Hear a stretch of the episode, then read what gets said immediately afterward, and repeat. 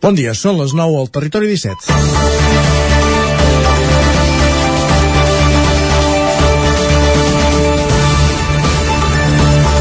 Gairebé la meitat de la roba que tenim a l'armari no la utilitzem. Quan ens preguntem què podem fer cadascun de nosaltres per posar el nostre granet de serra a l'hora de, el, el nostre granet de sorra a l'hora de frenar el canvi climàtic, hem d'analitzar quin tipus de consum fem. El sector, sector del tèxtil és un dels majors consumidors de recursos del món i l'impacte que té la producció en el medi ambient és molt elevat. A més, està pendent de resoldre el seu reciclatge. Es venen aproximadament 100.000 milions de peces de roba cada any al món i, es, i se'n reciclen menys de l'1%. Racionalitzar-ne el consum es calcula que cada persona consumeix cada any entre 20 i 26 quilos de roba i millorar-ne el reciclatge, a Catalunya només en recollim selectivament el 12%, són dos camins que han de servir per reduir l'impacte que té aquest producte en el medi ambient. Mentre que Europa obligarà els municipis a recollir el tèxtil i intentar recuperar-ne el màxim a partir del 2025, actualment la major part de les peces de roba acaben al rebuig i són llançades als abocadors, a Catalunya s'ha començat a fer alguna passa endavant.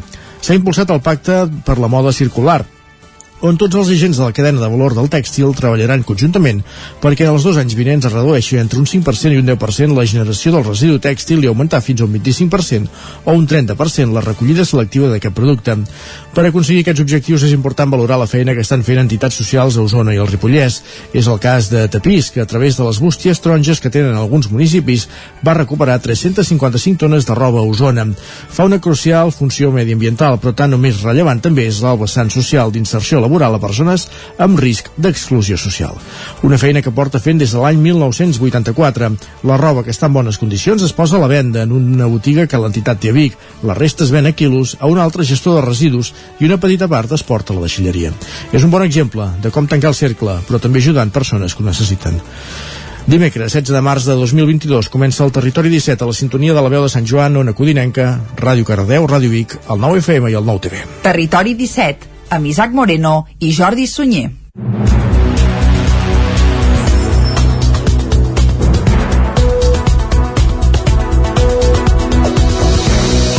Doncs vinga, passen dos minuts de les 9 del matí d'avui dimecres, dia 16 de març de 2022 i arrenca ara mateix un nou Territori 17 que avui, com sempre, durant la primera hora us acostarà tota l'actualitat de les nostres comarques. A partir de les 10 actualitzarem butlletí informatiu i tot seguit avui arribarà Isaac al Territori Sostenible.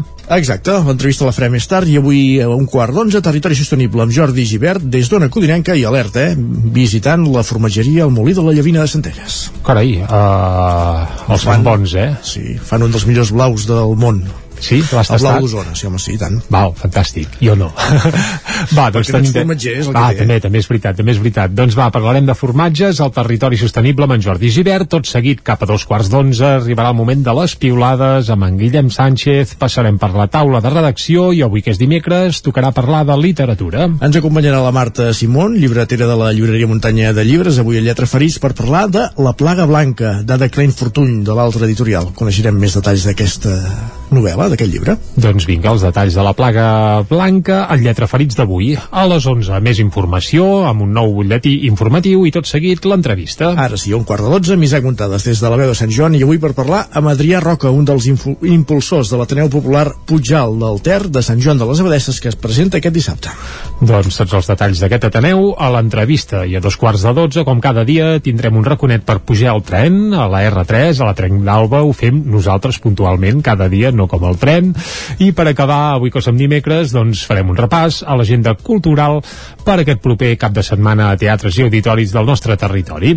Correcte, connectant amb les diferents emissores del nostre territori 17. I ara ja que ja tenim el d'això, el, El menú. menú estès i repassat, el que toca és arrencar. I com sempre, arrencarem fent un repàs a l'actualitat de casa nostra, l'actualitat de les comarques del Ripollès, Osona, el Moianès i el Vallès Oriental.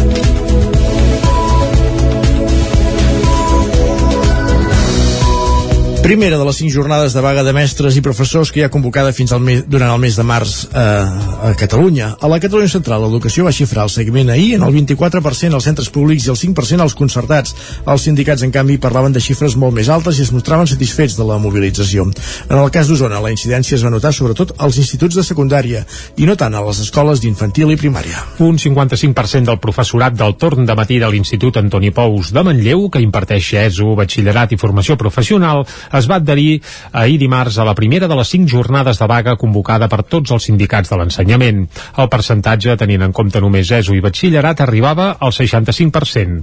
La direcció de l'institut es va sumar a la carta conjunta adreçada als serveis territorials d'educació a la Catalunya Central en què s'exposaven motius de malestar com l'avançament del calendari, els canvis curriculars o la necessitat de més recursos humans que se sumen a la complexitat en els dos últims cursos marcats per la pandèmia. Escoltem a Sònia Igueruelo, directora de l'Institut Antoni Pous de Manlleu. Clar, el juliol hauríem de tenir les plantilles per poder-hi treballar, perquè si hem de començar normalment eh, equips directius i tot el professorat, bueno, sempre eh, comença el dia 1 de setembre, eh? Aquesta vegada eh, tindrem menys dies per planificar. Llavors, si hi ha professorat nou, aquest professorat nou també s'ha d'acollir. Fa una setmana és complicat. A les escoles d'infantil i primària a Osona la incidència de la, vaga, de la vaga va ser menor que als instituts. A la Josep Xandri de Sant Pere de Torelló i a l'escola Fortià Solat de Torelló, per exemple, tot el professorat va anar a treballar. En general, però, es comparteixen els motius de l'aturada. Escoltem per aquest ordre a Marta Buixader, directora de l'Institut Escola Josep Maria Xandri de Sant Pere de Torelló i a Laura Humatell, directora del Fortià Solà de Torelló. Creiem oportú treballar-ho des de dins el centre, amb els infants infants inclosos, és a dir, formant part de la comunitat educativa i que tots puguem opinar-hi. Per tant, avui hi ha normalitat i es faran les classes en normalitat, per demà també, possiblement dijous, avui hem quedat per poder-ne parlar una mica amb el claustre, i possiblement dijous i la previsió seria poder del 29 i 30 sembla que la gent té més ganes de fer-ne aquells dies la vaga continua avui i també demà dijous i a més a més també n'hi haurà pels dies 29 i 30 de març. Els sindicats l'han convocat pel desacord amb la gestió del conseller d'Educació Josep González Cambrai en l'avançament del calendari escolar o també pel desplegament del nou currículum. També reclamen un increment de la inversió en educació, la reversió de les retallades i la cobertura legal de cara a la sentència que obliga a fer el 25% de les classes en castellà.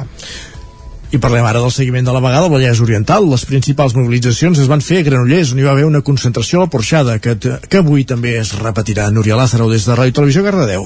L'Ajuntament de Ripoll ha iniciat... No, ara sí, saludem la Núria Lázaro. Núria, bon dia. Els docents han penjat pancartes als recintes escolars i aquest dimarts a primera hora s'han concentrat a les portes d'escoles, instituts amb braçalets negres i samarretes grogues.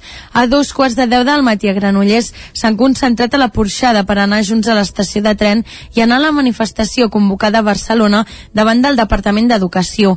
La concentració a la Porxada repetirà avui dimecres i dijous. A més, dijous els docents han estat cridats a una concentració a les 6 de la tarda a la ronda de Granollers per reclamar la fixesa dels interins.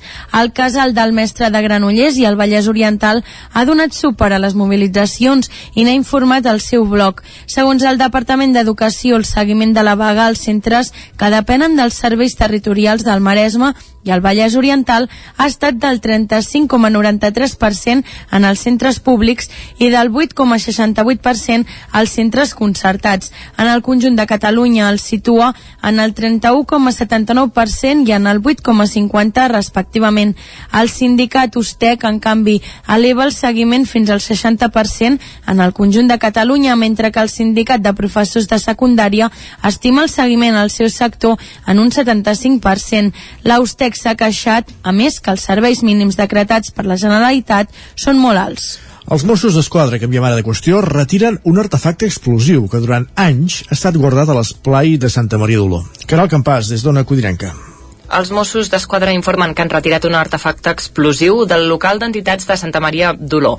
Els fets van passar després de rebre una consulta per saber si l'artefacte podria ser perillós. El projectil es guardava al local d'entitats del poble, un espai que també era utilitzat per l'esplai Dolor, el moviment júnior. Els agents dels Mossos d'Esquadra han fet constar que la bomba havia servit d'objecte decoratiu, però que en algun moment també havia estat fet servir com a cendrer. L'edifici on des de fa molts anys es guardava l'artefacte és el local d'entitats del poble. Gràcies, Caral. Més qüestions. Comença la cinquena edició dels pressupostos participatius de Ripoll amb un import de 115.000 euros per inversions. Isaac Muntades, ara sí, des de la veu de Sant Joan. Isaac.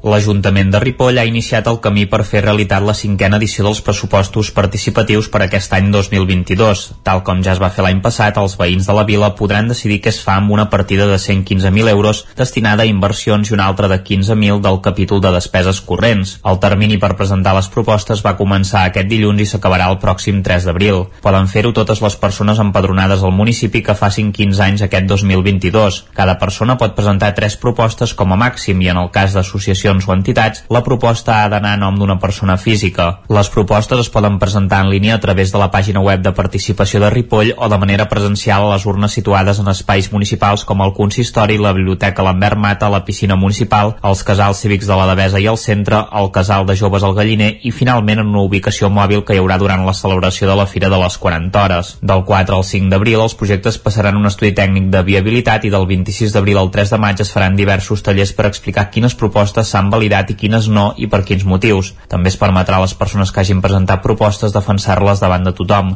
Aquest és un dels passos del procés que es recupera després de dos anys sense poder-se fer per culpa de la pandèmia. Del 4 al 22 de maig ja s'obrirà el termini de votació popular i el 26 de maig es donarà el veredicte i es permetrà a la ciutadania avaluar-ne el procés a través d'unes enquestes en línia i presencials. La regidora de Participació Ciutadana, Dolors Vilalta, va recordar que la participació ha estat un èxit tots aquests anys. Cada any hem estat contents, molt contents amb el tema de la participació. El primer any va ser un èxit, perquè per ser el primer any que ningú tenia experiència va anar molt bé. I aquests últims anys, comptant de que hi ha hagut la pandèmia pel mig i que hi han hagut coses que no s'han pogut fer com s'havien fet altres anys, també podem estar contents, perquè l'any passat, per exemple, van votar uns 475 persones i van sortir en concret 1.144 propostes. Això pel que fa al tema d'inversions, eh? Que són aquests 115.000 euros. I pel que fa al tema de serveis, que és la partida més petita de 15.000, l'any passat doncs, van participar 200 persones i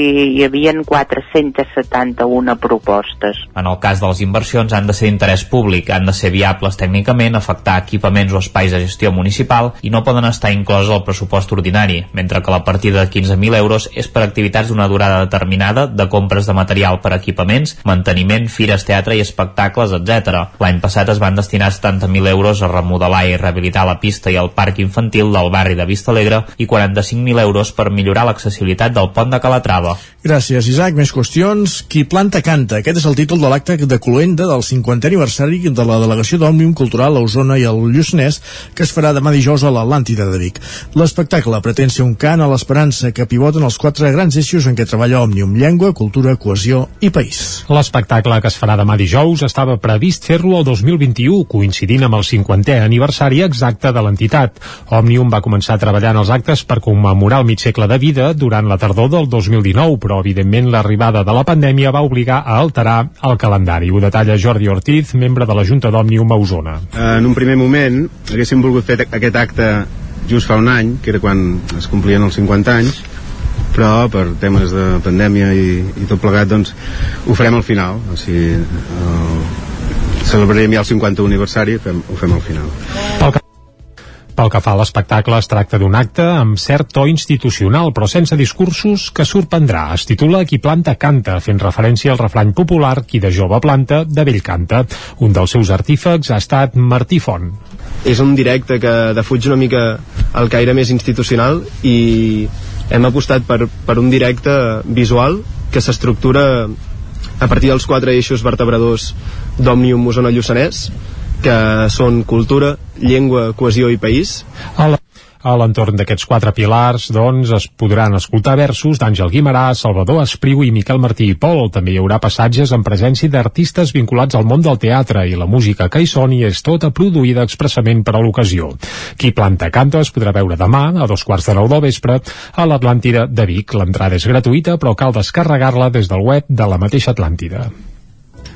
I més qüestions. Vic ha reconegut els millors esportistes i equips de la ciutat a la nit de l'esport biguetà, una gala que es va fer divendres a l'Atlàntida i que recuperava el format presencial després de dos anys de pandèmia. La nedadora del Club Natació Sant Andreu, Marta González, va guanyar el guardó de millor esportista absolut, entregat en el marc de la 55a nit de l'esport biguetà. Es va imposar el patinador Arnau Pérez, del Club Patinatge Artístic Tona, i el pilot de bici trial Martí Riera. Entre d'altres mèrits, Marta González es va proclamar l'any passat campiona d'Espanya absoluta amb el seu club a divisió d'honor, en 200 metres de crol i també en diferents equips de relleus. Escoltem a la nedadora Marta González. No vaig poder lluitar per el que volia, que eren uns europeus i si tot anava bé hi havia els Jocs de Tòquio. Així que res, aquesta temporada és l'última si, si tot va com ha d'anar. Vull gaudir-la al màxim i els meus objectius són bàsicament gaudir del que faig, aprofitar els últims moments perquè faig el que faig perquè m'encanta així que és gaudir cada moment i si ve algun premi més endavant. La campiona d'Espanya absoluta de trail, Anna Comet, que també es va imposar el 2021 amb un bon grapat de curses, va guanyar el premi a millor esportista individual femení. El trialer Eloi Palau, tercer classificat al Campionat del Món Elite 20 i campió de Catalunya, va ser reconegut com a millor esportista individual masculí. Escoltem per aquest ordre Anna Comet i Eloi Palau. Va ser una segona part de temporada molt, molt trepidant. Havia estat sis mesos lesionada després de la lesió, després de, de l'embaràs, vull dir, era ja que allò dius, se m'està passant l'arròs, com no m'espavili, i al final de, de temporada va ser bo, vull dir que un any bo i tancat. Vic és com la meva ciutat, llavors competir on hi ha tota la teva família, tots els teus amics, és com, estàs com al teu lloc, doncs bé, és una satisfacció que no tothom pot viure i bé, tinc ganes de que de tornar a competir aquest any a la Copa del Món que es torna a fer aquí Vic i res, a tope. Durant la gala, el regidor d'Esports de l'Ajuntament de Vic, Titi Roca, va avançar que es treballa per dur a la ciutat de Vic el futur centre de tecnificació de la Catalunya Central. L'escoltem. No demanem un centre de, de la Catalunya Central a Vic perquè sí, sinó perquè creiem que hi ha el teixit esportiu necessari per créixer, les instal·lacions per fer-ho, la residència per fer-ho, els estudis per fer-ho. Per tant, les coses que creiem que defensem tenen el sentit per un escenari com el d'avui, una Atlàntida plena d'esportistes, de tècnics, de coneixement esportiu. Durant a la nit de l'esport també es van donar a conèixer els guardons dels Premis Ciutat de Vit Activitat Física i Esport, que van ser per Jordi Boada i Andrea Pérez. Els guanyadors dels Premis de la Festa de l'Esport del 2019 també van rebre el guardó, ja que no se'ls havia pogut entregar presencialment per culpa de la pandèmia. I un últim apunt esportiu, el Club Patiu Voltregà destitueix l'entrenador Manolo Barceló pels mals resultats. Al seu lloc l'ocuparà Tudi Noguent. El Estern Motor ha anunciat la destitució del tècnic del primer equip masculí, Manolo Barceló. El motiu són els mals resultats esportius esportius que han portat l'equip a ocupar la zona de playoff per la permanència a l'Hockey Lliga. Ara mateix el Voltregà és 11è a la classificació després d'haver sumat 5 victòries, 2 empats i 14 derrotes aquesta temporada. L'última derrota, per cert, la d'aquest cap de setmana a casa contra el Lleida per 1 a 4. En un comunicat, el club agraeix molt sincerament tota la feina, el compromís i l'esforç que ha demostrat Barceló i li desitja el millor en el seu futur esportiu i personal. Barceló era l'entrenador blanc i blau des de l'estiu del 2019. El seu lloc lloc, per cert, l'ocuparà fins a final de temporada Lluís Tudi Noguer, que ja havia entrenat al Club Patí Manlleu a l'Hockey Lliga.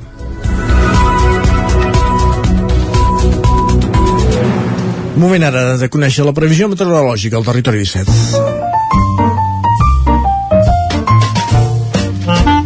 Casa Terradellos us ofereix el temps. I la previsió ens la costa cada dia en Pep Acosta, aquí ja saludem. Bon dia, Pep.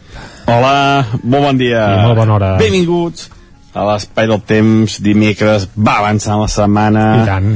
Uh, ens acostem ja a, a la primavera que serà aquest diumenge uh, ara sí, sí, sí, sí diumenge, diumenge, diumenge. Arriba ja la primavera uh -huh. d'aquest 2022 seria un moment de confusió però ja estic centrat. Sí, sí, sí, serà diumenge uh, a la tarda que arriba la primavera de l'any 2022 per tant avui eh, últim dimecres d'hivern d'aquest any i eh, continuem amb el mateix panorama. Continuem amb el panorama de vents de sud. Eh, fa dos o tres dies que tenim aquests vents de sud eh, vents que fan que la temperatura baixi molt poc eh, nits que eh, no baixen dels, entre 5 i els 10 graus la majoria de temperatures i que fa que tinguem aquesta mala visibilitat aquest eh, aquesta posa en suspensió eh, aquest aire mm, a més, aquest vent que bufa mm, que no és fred eh? hi ha gent que té la sensació de fred però no, no, no, aquest aire no és fred ni de bon tros és fred i fa que la temperatura pugi bastant. Eh, per això dic que les mínimes no baixen de 5-10 graus a gairebé totes les comarques, fins i tot al Pirineu, eh, unes mínimes molt més altes del que hauria de ser habitual per l'època de l'any, degut, com deia, aquests vents de sud que es van consolidant per segon o tercer dia ja consecutiu. Um, tindrem molts núvols novament, uh, torno a repetir, eh, molts núvols barrejats amb aquesta pols en suspensió d'aquest enorme desert que tenim a prop és el Sàhara, i, i, i així continuarà durant tot el dia d'avui, no, no tindrem grans, grans novetats. Uh, per què tenim tants núvols? D doncs perquè són vents uh, del sud, uh, una mica marítims, que carreguen humitat uh, i, i per això hi ha aquesta nuvolositat. Les temperatures màximes seran molt suaus, entre els 16 i els 18, 19, 20 graus a tot estirar. No pugen més per aquesta nuvolositat, eh? Si, si, si no hi hagués núvols, les temperatures serien bastant més altes. Uh, poca possibilitat avui de precipitacions, poder 4 gotes si es que arriben a caure en forma de fang, però ja dic, eh, seran 4 gotes molt minces i això si es que arriben a caure, segurament ni cauran perquè les condicions no són òptimes de moment perquè la pluja sigui destacable. Els pròxims dies sembla que hi haurà bastant moviment, eh, però bueno, els mapes es contradiuen, per tant veurem què acaba passant. El que avui està és això, eh? Continua aquest vent de sud, molts núvols, molt poca precipitació i també molt poca estona de sol. Fa dies que no tenim allò un dia de sol, un dia moltes hores de sol, fa molts dies que no tenim, eh, és veritat que eh, va, molts dies eh, vam tenir un sol espaterrant i que va i que va fer una sequera enorme. Per tant ja està bé eh, que hi hagi aquest contrast ara aquests dies sense sol. Llàstima que no, no, no va plovent una mica més però bueno, esperem que els pròxims dies sí que es produeixin més precipitacions.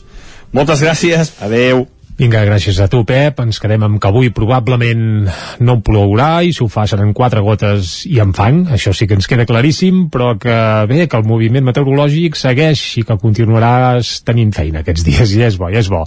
Doncs va, mentre esperem l'arribada de la primavera, això serà diumenge, també ens ha quedat clar. El que farem ara és anar cap al quiosc, com cada dia. Anem Casa Tarradellas us ha ofert aquest espai.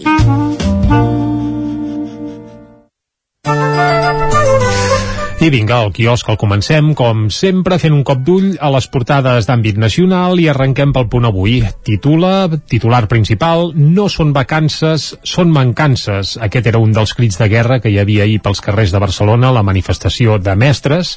No són vacances, són mancances. Doncs això es va sentir als carrers i això han reproduït a la portada del punt avui. Expliquen que seguiment rellevant de la primera jornada de vaga a l'ensenyament. Això és el titular principal del punt avui avui també hi apareix suport europeu in situ a la sobirania d'Ucraïna i eh, àmplia remodelació de l'equip directiu del Punt Avui. Ha canvis al Punt Avui, però no els detallarem pas. El que sí que detallarem és la portada de l'Ara. El titular principal és per tres líders de la Unió Europea arriben a Kiev assetjat per Putin. I és ben curiós que no tinguessin cap problema els caps de govern de Polònia, Txèquia i Eslovènia per anar fins a la capital d'Ucraïna i transmetre el seu suport a Zelensky, un suport a més presencial, n'hi ha imatges, n'hi ha fotografies i el president ucraïnès eh, sí que assumeix que no podrà entrar a l'OTAN i veu avenços en la negociació. Aviam si és cert i és real i es produeixen aquests avenços que prou falta que faria. La, la fotografia principal a l'ara és per l'aturada contra les mesures de González Cambrai, el conseller d'Ensenyament, i es veuen uns mestres a la mobilització que hi va haver ahir, en aquest cas a Barcelona. Deixem l'ara, fem un cop d'ull a l'avantguàrdia, titular principal, l'ofensiva contra una desena d'oligarques amb interessos a Espanya, oligarques russos en aquest cas. Entre els magnats pròxims a Putin perseguits hi ha Chemenov, que és l'amo d'un iot retingut a Barcelona. Això s'apunta a la portada de l'avantguàrdia. També els líders d'Eslovènia, Polònia i la República Txeca van a Kiev per solidaritzar-s'hi. I es veu una fotografia amb els tres líders eh, asseguts en una taula al davant de Zelensky. Zelensky no és a 20 metres com es reunien, per exemple, Putin quan el van anar a visitar també alguns líders europeus, sinó que comparteixen una taula on gairebé es podrien donar la mà. També amb un raconet de l'avantguàrdia, Rufián obre una crisi amb Junts per Catalunya donant per bons vincles amb sàpretes, sàpretes entre cometes, del Kremlin. Rufián, que bé, sense dir-ho, va indicar que Puigdemont havia fet negocis amb, amb Rússia per això, per intentar uh, maniobrar en favor de la independència de Catalunya. Ets uh, molt benevolent amb això de sense dir-ho. Bé, uh, ostres, uh, deixa'm dir, això és cullerada meva, eh? jo crec que Rufián és un líder del tot amortitzat i que potser Va, ja, ja seria, seria hora que, bé, pim-pam-pum. Va, doncs tant és. Apunta cap a candidat a Santa Coloma de Gramenet, eh? Sí, però ja ha deixat clar que, a no ser que sigui alcalde, no deixarà el Congreso, eh? I tot i així ja veurem. Uh, bé, no farem cap més comentari, va. Anem al periòdico. Titular principal, l'escola a mig gas exigeix negociar directament amb Aragonès, ja que el conseller no li fa cas, doncs els mestres ahir, o si més no els portaveus dels sindicats, exigien negociar directament amb el president Pere Aragonès. També Ucraïna renuncia a l'OTAN i Putin no para. Això també apareix a la portada del periòdico. Anem cap a les portades que s'imprimeixen des de Madrid. Comencem pel país, hi ha la mateixa foto que veiem també a l'avantguàrdia i tres líders de la Unió Europea desafien el setge a Kiev per anar a veure Zelensky. I a la fotografia això, eh, es veu aquesta trobada que es va mantenir ahir. També Pedro Sánchez ofereix un pacte d'estat a Feijó per afrontar la guerra, ja negocia amb Feijó, ja Casado com si no hi fos. El Mundo Zelensky desisteix d'entrar a l'OTAN hipnotitzada per Putin. Hipnotitzada ho posen entre cometes perquè també és collita pròpia de, del Mundo. I també apareix que un mantell vermell cobreix tota la península. Això és pols del Sàhara que aquests dies tenim en suspensió i ens ho ha dit prou en Pep Acosta. Correcte. L'ABC. Eh, Rússia s'acosta a la fallida. Això segons l'ABC. Amb les seves reserves immobilitzades per les sancions d'Occident, Moscou no podrà pagar els 117 milions de dòlars en interessos del seu deute, que es veu que mm, bé que ven vencen avui, segons l'ABC. Ben curiós. I la raó, amb 5 segons, els líders d'Europa de l'Est desafien Putin amb un viatge a Kiev. 3 minuts i tornem. Fem una pausa al territori 17. El nou FM, la ràdio de casa, al 92.8 la vida i la naturalesa han portat Ernest Gingó a crear el seu primer disc i tu el pots ajudar a fer-lo realitat. Busca Seguint la Natura a la pàgina web Verkami i podràs fer la teva aportació econòmica a canvi del disc i d'alguns instruments artesanals que ha construït amb el seu pare, fuster de professió. Ajuda l'Ernest Gingo a fer realitat aquest primer disc que fa un viatge musical per la connexió amb la naturalesa. I un sentiment al restaurant Xavito Gastro de Vic hi trobaràs una cuina mediterrània i de mercat amb gran varietat de plats, amb arrossos, carn o peix fresc de la llotja cada dia. Vine a dinar de dimarts a divendres i prova el nostre menú diari per només 15 euros o a les nits de dijous a diumenge tastar el nostre menú degustació amb arrossos i tapes per 25 euros. Restaurant Xamito Gastro. Ens trobaràs al carrer Callnou número 9 de Vic i al telèfon 93 094 1172 o al 747 42 92 42 58. Això és el que s'escolta al voltant d'una caldera saunia d'Oval. Tranquilitat i benestar, perquè gaudeix del millor manteniment del servei tècnic oficial per estar despreocupat. O el que vulgui. Informis a Oficiat Nord trucant al 938860040. Saunia d'Oval, sempre al seu costat. El racó de León ja és primavera. Gaudeix de la nostra terrassa. Vine a tastar les xuletilles de lechal a la brasa amb una bona amanida o el xuletón de vedella gallega. No et pots perdre el nostre lechado de Castilla al forn o el cochinillo a l'estil de Segovia. Tot acompanyat del millor celler, al menjador o fora la terrassa. Descobreix la millor cuina de lleó sense moure't de casa. Vine amb la família, els amics, la parella o sol. T'encantarà. El racó de León, cuina tradicional lleonesa i de mercat. Som al carrer Torelló número 35 de Vic. Per reserves, telèfon 93 889 1950. El racó de León, una cuina diferent. Cobertes serveis funeraris. Els nostres tanatoris estan ubicats en els nuclis urbans més poblats de la comarca d'Osona per oferir un millor servei. Tanatori de Vic, Tanatori de Manlleu, Tanatori de Centelles i Tanatori de Roda de Ter Sabem que són moments difícils i per això el nostre compromís és atendre-us en tot moment amb un tracte humà, sensible i respectuós. Cobertes serveis funeraris.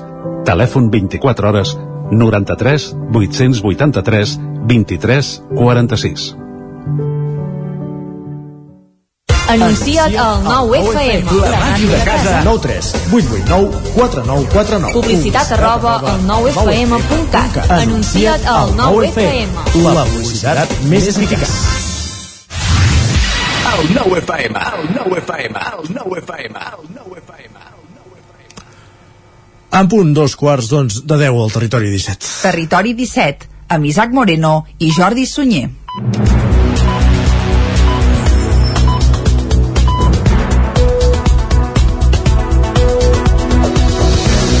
Doncs sí, dos quarts de 10, de 10, de 10 Volem en punt. molt, ja veus, eh? Sí, és que el temps va tan de pressa que és, és espectacular i a més, com que meteorològicament també anem una mica xerbotats aquests dies, doncs a vegades ens descaboriem i a més, escolta, d'aquí 10 dies em sembla que és canvien l'hora, per tant també ens hi hem d'anar acostumant. Però vaja, això, conclusió, que són dos quarts de 10 d'avui dimecres, dia 16 de març de 2022 i de seguida el que farem és acostar-vos de nou tota l'actualitat de casa nostra aquí a Territori 17.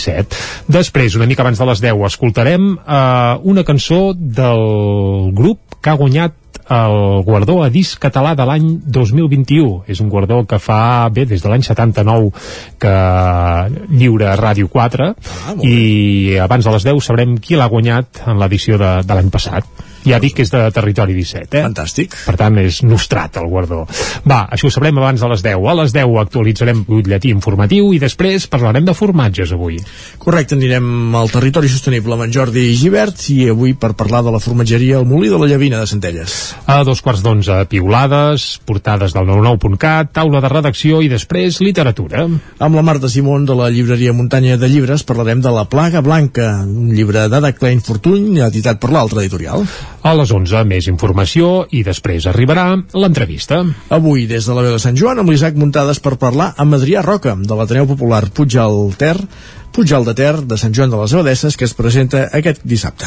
A dos quarts de dotze, com cada dia, arribarà la R3, a la Trenc d'Alba, i avui, que és dimecres, acabarem... Com acabarem, Isaac? Amb l'agenda cultural del territori 17, coneixent els principals actes dels propers dies a les nostres comarques en connexió amb les diferents emissores que fan possible cada dia aquest programa. I ara el que ens toca és, com sempre, acostar-vos l'actualitat de casa nostra, de casa vostra, de les comarques del Vallès Oriental, el Moianès, Osona i el Ripollès. Doncs som-hi. Vinga.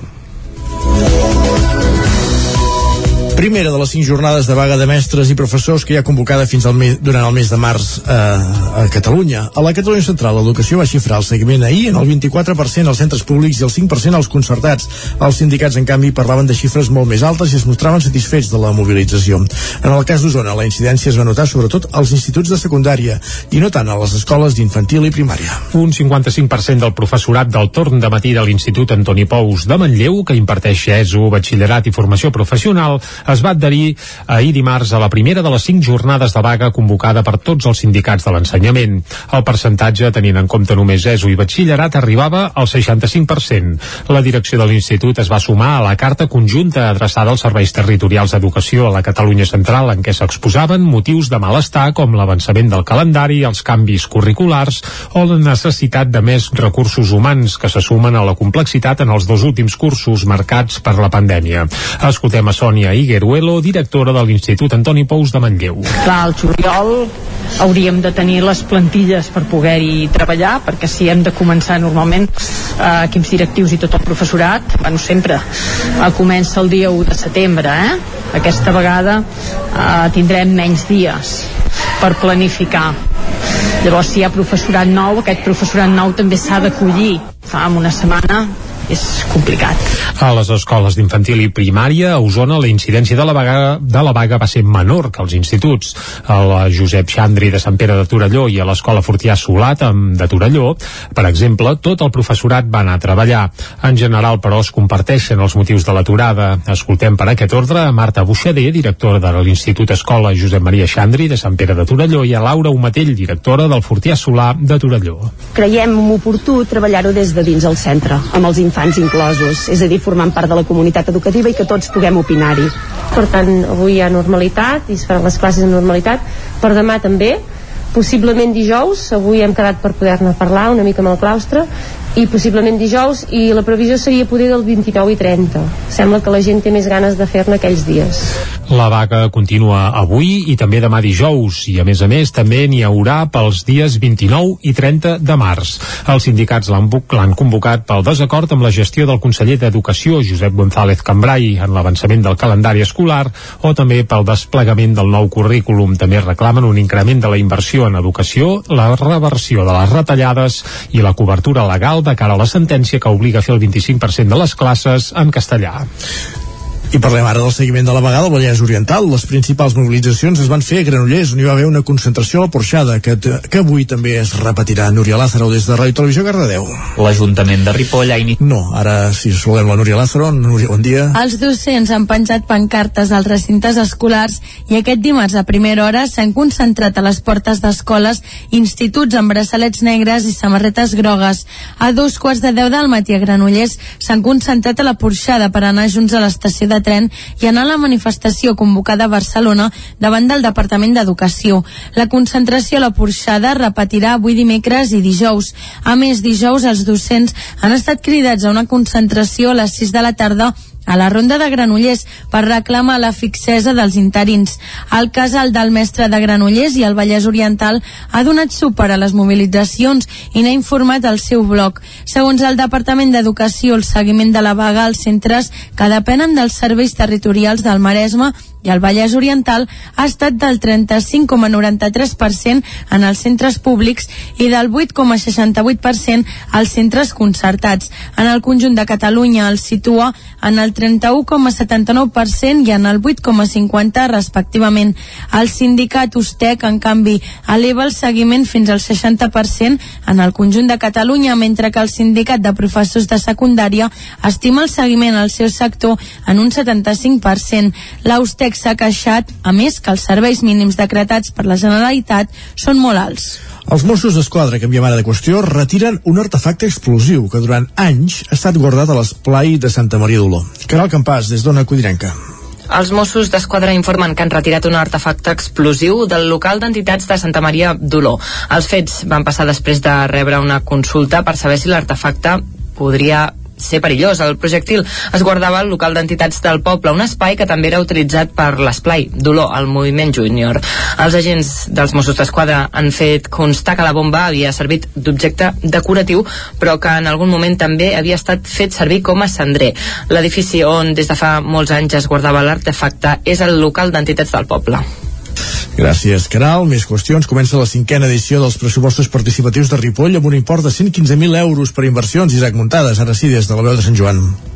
L'Ajuntament de Ripoll ha iniciat el camí per fer realitat la cinquena edició dels pressupostos participatius per aquest any 2022. Tal com ja es va fer l'any passat, els veïns de la vila podran decidir què es fa amb una partida de 115.000 euros destinada a inversions i una altra de 15.000 del capítol de despeses corrents. El termini per presentar les propostes va començar aquest dilluns i s'acabarà el pròxim 3 d'abril. Poden fer-ho totes les persones empadronades al municipi que facin 15 anys aquest 2022. Cada persona pot presentar tres propostes com a màxim i en el cas d'associacions associacions o entitats, la proposta ha d'anar a nom d'una persona física. Les propostes es poden presentar en línia a través de la pàgina web de participació de Ripoll o de manera presencial a les urnes situades en espais municipals com el consistori, la biblioteca Lambert Mata, la piscina municipal, els casals cívics de la Devesa i el centre, el casal de joves al Galliner i finalment en una ubicació mòbil que hi haurà durant la celebració de la Fira de les 40 hores. Del 4 al 5 d'abril els projectes passaran un estudi tècnic de viabilitat i del 26 d'abril al 3 de maig es faran diversos tallers per explicar quines propostes s'han s'han validat i quines no i per quins motius. També es permetrà a les persones que hagin presentat propostes defensar-les davant de tothom.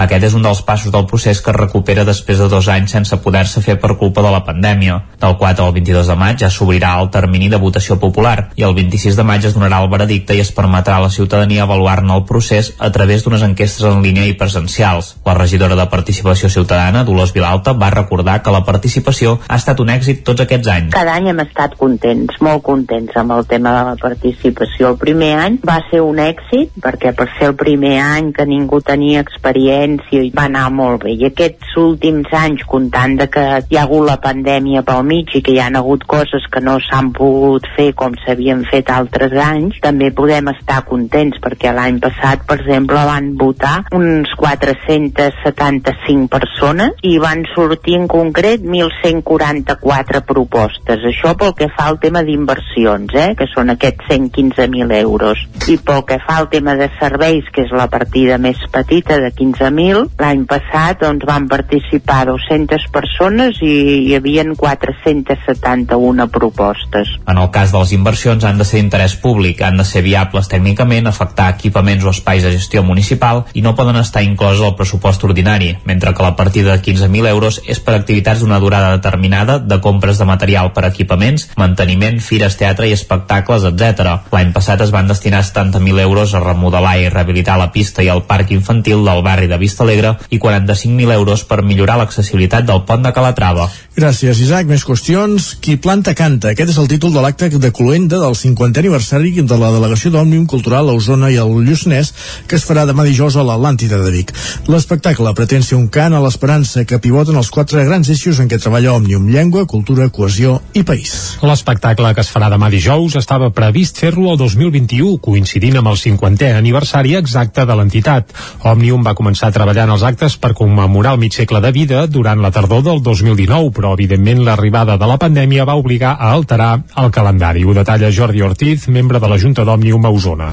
En un primer moment haguéssim volgut fer aquest acte just fa un any, que era quan es complien els 50 anys, però per temes de pandèmia i, i tot plegat doncs ho farem al final. O sigui, eh, celebrarem ja el 50 aniversari fem, ho fem al final Pel que fa a l'espectacle, es tracta d'un acte amb cert to institucional, però sense discursos que sorprendrà. Es titula Qui planta canta, fent referència al refrany popular Qui de jove planta, de vell canta. Un dels seus artífecs ha estat Martí Font. És un directe que defuig una mica el caire més institucional i hem apostat per, per un directe visual que s'estructura a partir dels quatre eixos vertebradors d'Òmnium Osona Lluçanès que són cultura, llengua, cohesió i país.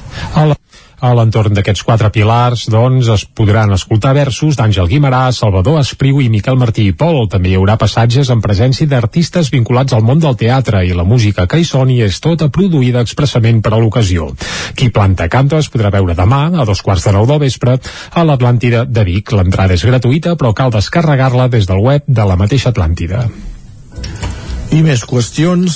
Vic ha reconegut els millors esportistes i equips de la ciutat a la nit de l'esport biguetà, una gala que es va fer divendres a l'Atlàntida i que recuperava el format presencial després de dos anys de pandèmia. La nedadora del Club Natació Sant Andreu, Marta González, va guanyar el guardó de millor esportista absolut, entregat en el marc de la 55a nit de l'esport biguetà. Es va imposar el patinador Arnau Pérez, del Club Patinatge Artístic Tona, i el pilot de bici trial Martí Riera. Entre d'altres mèrits, Marta González es va proclamar l'any passat campiona d'Espanya absoluta amb el seu club a divisió d'honor, en 200 metres de crawl i també en diferents equips de relleus. Escoltem a la nedadora Marta González. No vaig poder lluitar per el que volia, que eren uns europeus, i si tot anava bé hi havia els Jocs de Tòquio. Així que res, aquesta temporada és l'última, si, si tot va com ha d'anar. Vull gaudir-la al màxim i els meus objectius són bàsicament gaudir del que faig, aprofitar els últims moments perquè faig el que faig perquè m'encanta, així que és gaudir cada moment i si ve algun premi més, endavant. La campiona d'Espanya absoluta de trail, Anna Comet, que també es va imposar el 2021 amb un bon grapat de curses, va guanyar el premi a millor esportista individual femení. El trialer Eloi Palau, tercer classificat al Campionat del Món Elite 20 i campió de Catalunya, va ser reconegut com a millor esportista individual masculí. Escoltem per aquest ordre Anna Comet i Eloi Palau. Va ser una segona part de temporada molt, molt trepidant. Havia estat sis mesos lesionada després de la lesió, després de, de l'embaràs, vull dir, era ja que allò dius, se m'està passant l'arròs, com no m'espavili, i al final de, de temporada va ser bo, vull dir que un any bo i tancat. Vic és com la meva ciutat, llavors competir on hi ha tota la teva família, tots els teus amics, és com, estàs com al teu lloc doncs bé, és una satisfacció que no tothom pot viure i bé, tinc ganes de que de tornar a competir aquest any a la Copa del Món que es torna a fer aquí a Vic i res, a tope. Durant la gala, el regidor d'Esports de l'Ajuntament de Vic, Titi Roca, va avançar que es treballa per dur a la ciutat de Vic el futur centre de tecnificació de la Catalunya Central. L'escoltem. No demanem un centre de, de la Catalunya Central a Vic perquè sí, sinó perquè creiem que hi ha el teixit esportiu necessari per créixer, les instal·lacions per fer-ho, la residència per fer-ho, els estudis per fer-ho. Per tant, les coses que creiem que defensem tenen el sentit per un escenari com el d'avui, una Atlàntida plena d'esportistes, de tècnics, de coneixement esportiu. Durant eh, la nit de l'esport també es van donar a conèixer els guardons dels Premis Ciutat de Vit Acti Activitat Física i Esport, que van ser per Jordi Boada i Andrea Pérez. Els guanyadors dels Premis de la Festa de l'Esport del 2019 també van rebre el guardó, ja que no se'ls havia pogut entregar presencialment per culpa de la pandèmia. I un últim apunt esportiu, el Club Patí Voltregà destitueix l'entrenador Manolo Barceló pels mals resultats. Al seu lloc l'ocuparà Tudi Noguer. El Voltregà Estern Motor ha anunciat la destitució del tècnic del primer equip masculí, Manolo Barceló.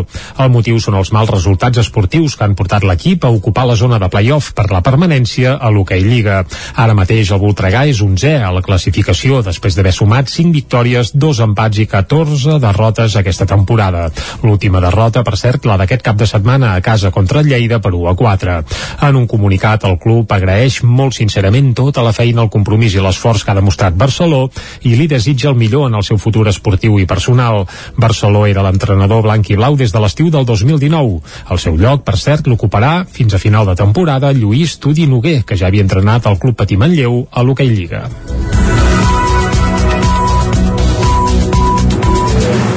Moment ara de conèixer la previsió meteorològica al territori 17.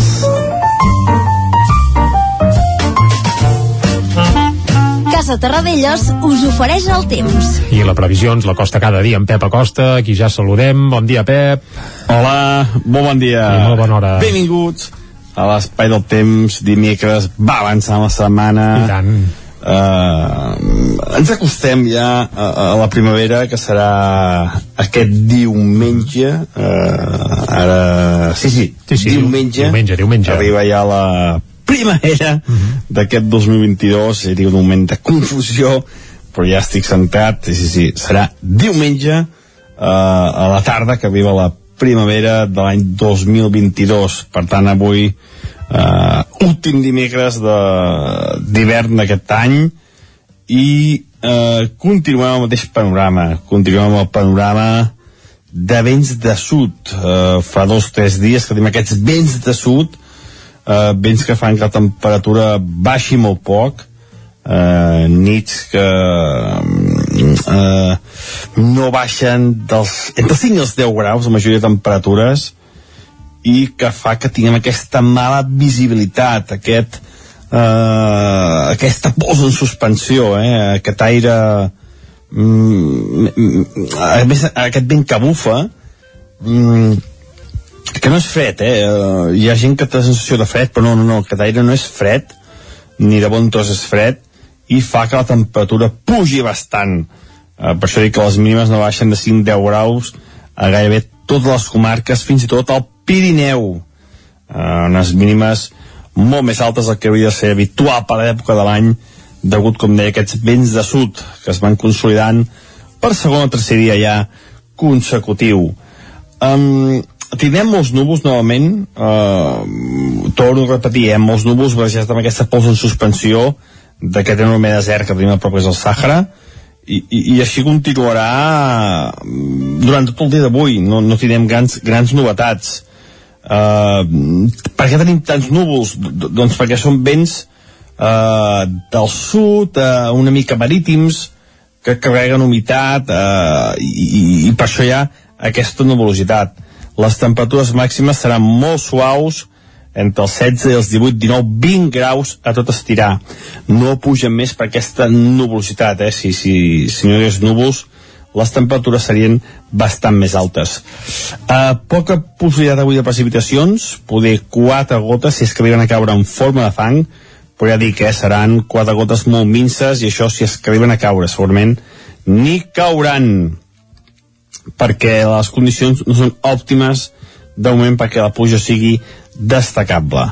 els pròxims dies sembla que hi haurà bastant moviment uh, però bueno, els mapes es contradiuen per tant veurem què acaba passant el que avui està clar és això, eh? continua aquest vent de sud molts núvols, molt poca precipitació i també molt poca estona de sol. Fa dies que no tenim allò un dia de sol, un dia moltes hores de sol, fa molts dies que no tenim, eh, és veritat que eh, va, molts dies eh, vam tenir un sol espaterrant i que va i que va fer una sequera enorme.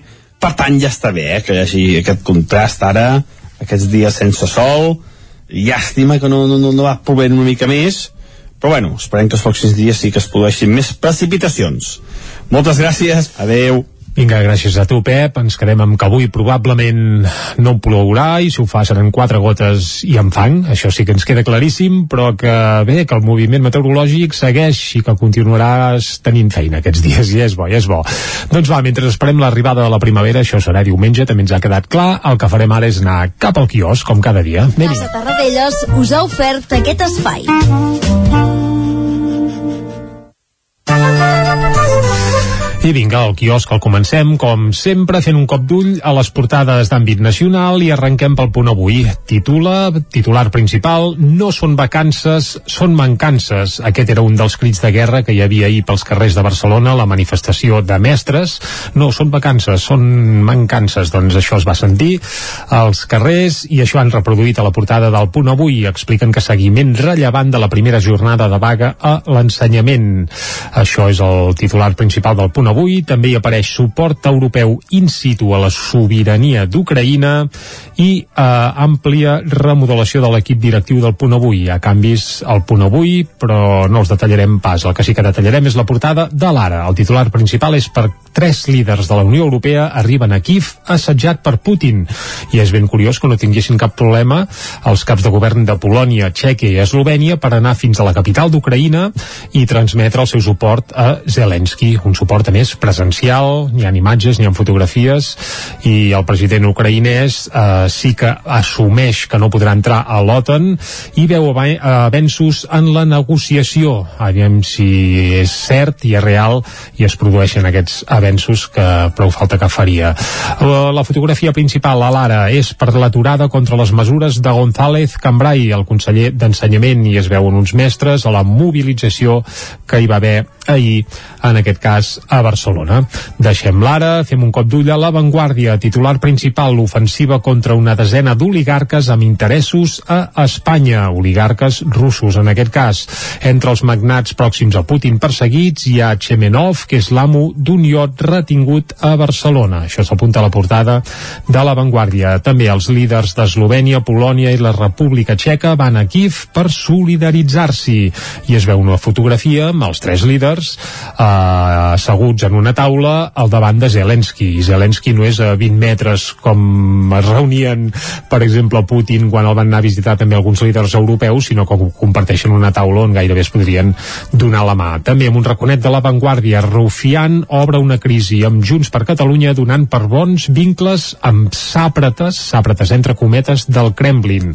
Rufián, que bé, sense dir-ho, va indicar que Puigdemont havia fet negocis amb, amb Rússia per això, per intentar uh, maniobrar en favor de la independència de Catalunya. Ets molt benevol- benevolent amb això sense dir-ho. Bé, uh, ostres, uh, deixa'm dir, això és cullerada meva, eh? jo crec que Rufián és un líder del tot amortitzat i que potser Va, ja, ja seria, seria hora que, bé, pim-pam-pum.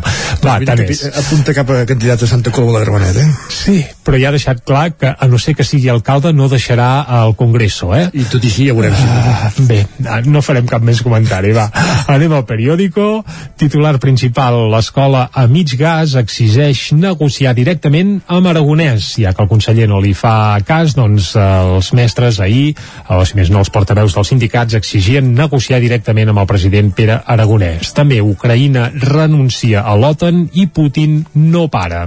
Això també apareix a la portada del periòdico. Anem cap a les portades que s'imprimeixen des de Madrid. Comencem pel país. Hi ha la mateixa foto que també a l'avantguàrdia i tres líders de la Unió Europea desafien el setge a Kiev per anar a veure Zelensky. I a la fotografia això, eh? es veu aquesta trobada que es va mantenir ahir. També Pedro Sánchez ofereix un pacte d'estat a Feijó per afrontar la guerra, ja negocia amb Feijó, ja Casado com si no hi fos. El Mundo Zelensky desisteix d'entrar a l'OTAN hipnotitzada per Putin. Segur, hipnotitzada ho posen entre cometes perquè també és collita pròpia de, del Mundo. I també apareix que un mantell vermell cobreix tota la península. Això és pols del Sàhara que aquests dies tenim en suspensió i ens ho ha dit prou en Pep Acosta. Correcte. L'ABC, eh, Rússia s'acosta a la fallida. Això segons l'ABC, amb les seves reserves immobilitzades per les sancions d'Occident, Moscou no podrà pagar els 117 milions de dòlars en interessos del seu deute, que es veu que mm, bé que vencen avui, segons l'ABC. Ben curiós. I la Razón, amb 5 segons, els líders d'Europa de l'Est desafien Putin amb un viatge a Kiev. Doncs vinga, cap aquí falta gent. Vinga, sí, sí, sí. Uh, I a més hi van anar, en teoria, clar, per carretera, perquè, bé, no sé, no sé com hi van anar, però, però allà eren. Nosaltres no hi vam anar, on sí que anirem és escoltar música, per això, que sempre és molt més agraït, i hem dit abans que descobrirem qui són els guanyadors del guardó Disc Català de l'any 2021, un guardó que s'otorga des del 1979, és el premi més antic a la música en català de tots els que es fan i es desfan, i aquest premi, saps per qui va anar, Isaac? No, ara mateix no, sorprèn-me, va. Sí, jo també vaig quedar sorpresa, eh, perquè dius, home, el 2021 hauran guanyat, jo que sé, Oques Grasses, amb uh, A tope amb la vida, o Zoo, amb Llepolies, o el Joan Dausà, per exemple, amb, amb el...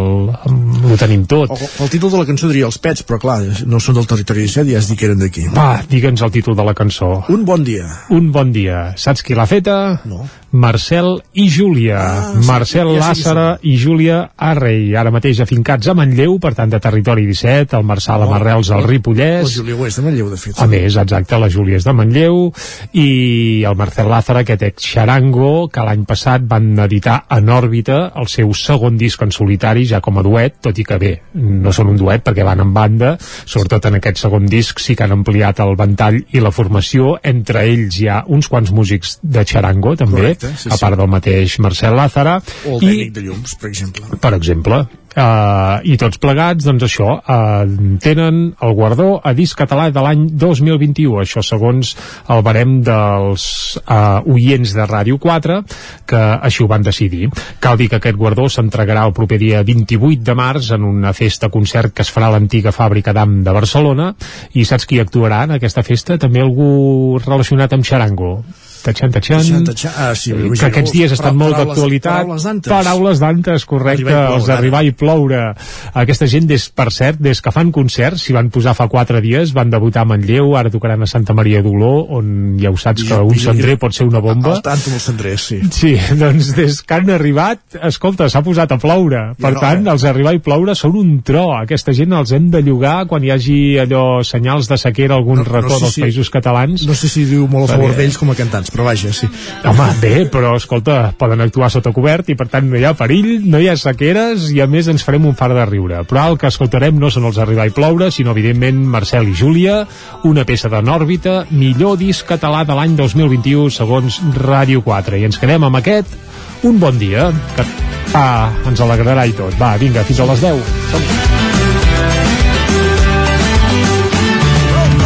En la tristor cantant Oh i tant, oh i tant Avui em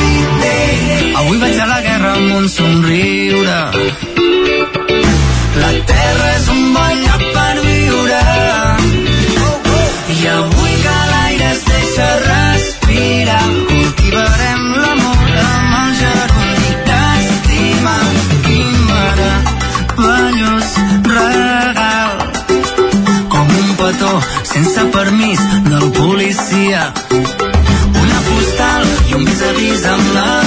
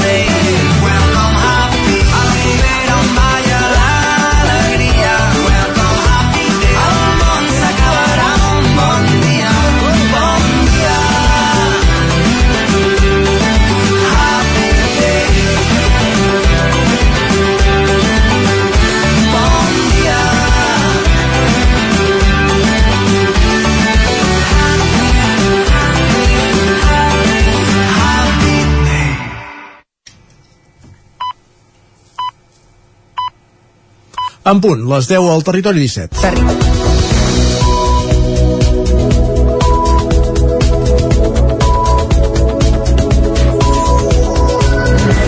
Al territori 17 és moment ara de posar-nos al dia, d'actualitzar-nos amb les notícies més destacades de les nostres comarques i ho fem com cada dia en connexió amb les diferents emissores que dia a dia fan possible el territori 17. Ràdio Cardedeu, Ona Codinenca, La Veu de Sant Joan, Ràdio Vic, el 9 FM i el 9 TV. Prop de 150 persones participen a la jornada sobre sanitat porcina i benestar animal que va organitzar la llotja de contractació i mercat en origen de Vic. Entre d'altres, els ponents van descartar que la guerra d'Ucraïna provoqui desabastiment de cereals. José Manuel Sánchez, catedràtic de Sanitat Animal de la Universitat Complutense de Madrid i Valentina Almansa, director general de Sanitat de Producció Agrària del Ministeri d'Agricultura, van ser dos dels ponents i després van compartir una taula rodona amb la directora general d'Agricultura i Ramaderia de la Generalitat, Elisenda Guillaumes. La taula va tractar del consum d'antibiòtics en animals i del paper del ramader davant de les integradores, entre d'altres. Valentina Almansa parlava així de l'ús d'antibiòtics en el bestiar porcí. Cuando L'escoltem. tú sales por el mundo, ves muchas explotaciones que no tienen unas buenas medidas de bioseguridad todavía. Y es normal que en esas explotaciones el consumo de antibióticos sea alto. Es normal. Y entonces lo que hay que decirle a esa explotación es que el problema no se resuelve dando antibióticos críticos, el problema se resuelve arreglando la valla, que es un ejemplo tonto, ¿eh? O cambiando el modelo de funcionar, o, que, o impidiendo que el camionero cuando va a cargar los lechones entre en la explotación, o impidiendo que el señor de la explotación entre en el camión para cargar los lechones. En relació als antibiòtics, el Mansa va explicar que a partir del mes de juny les granges rebran informació comparada dels consums que en fan, una mesura que hauria de contribuir a reduir-los. Una altra de les qüestions que es van tractar a la jornada feia referència a les mesures de prevenció que la Generalitat ha pres davant del perill de l'arribada de la pesta porcina africana.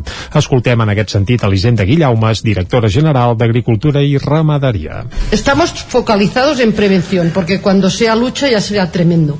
Pero dentro de la prevención, esto es eh, sabido también por todos, que cuando antes detectas el foco es mucho mejor a nivel de actuar y con, con la máxima celeridad posible. Durant la jornada també es va descartar que la guerra d'Ucraïna arribi a provocar desabastiment de cereals.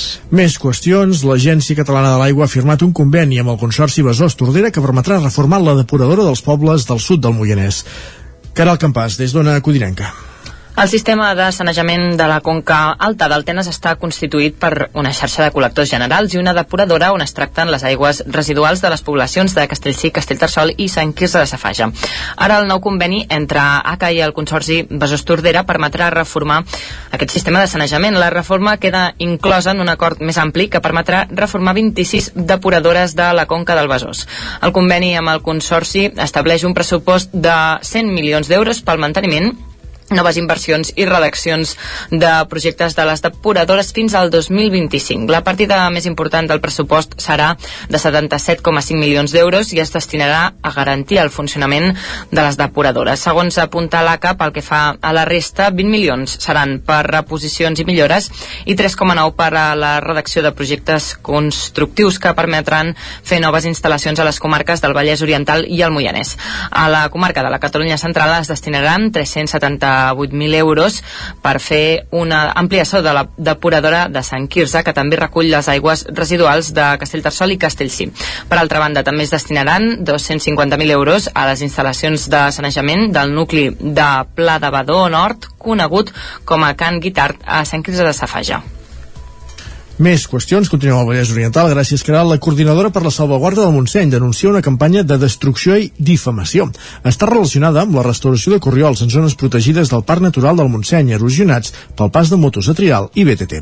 Núria Lázaro, des de Ràdio Televisió, Cardedeu. La coordinadora per a la salvaguarda del Montseny denuncia que les plaques informatives del projecte de restauració de corriols en el Parc Natural del Montseny han estat arrabassades dels seus emplaçaments esmicolades i escampades pel bosc. Al seu torn, els triangles d'advertiment fets amb materials aprofitats de l'entorn natural també han estat desmuntats. A finals de l'any passat, la coordinadora per a la salvaguarda del Montseny va començar el projecte de restauració de corriols formats per l'erosió del pas de motos de trial i d'un bon nombre de BTTs en indrets protegits del Parc Natural del Montseny. Aquest projecte, suggerit des del mateix Parc Natural, comptava amb el visiplau dels propietaris afectats per aquests corriols, amb l'autorització de la Gerència de Serveis de Parcs Naturals i l'Oficina Tècnica de Parcs Naturals i amb el coneixement dels ajuntaments de la zona.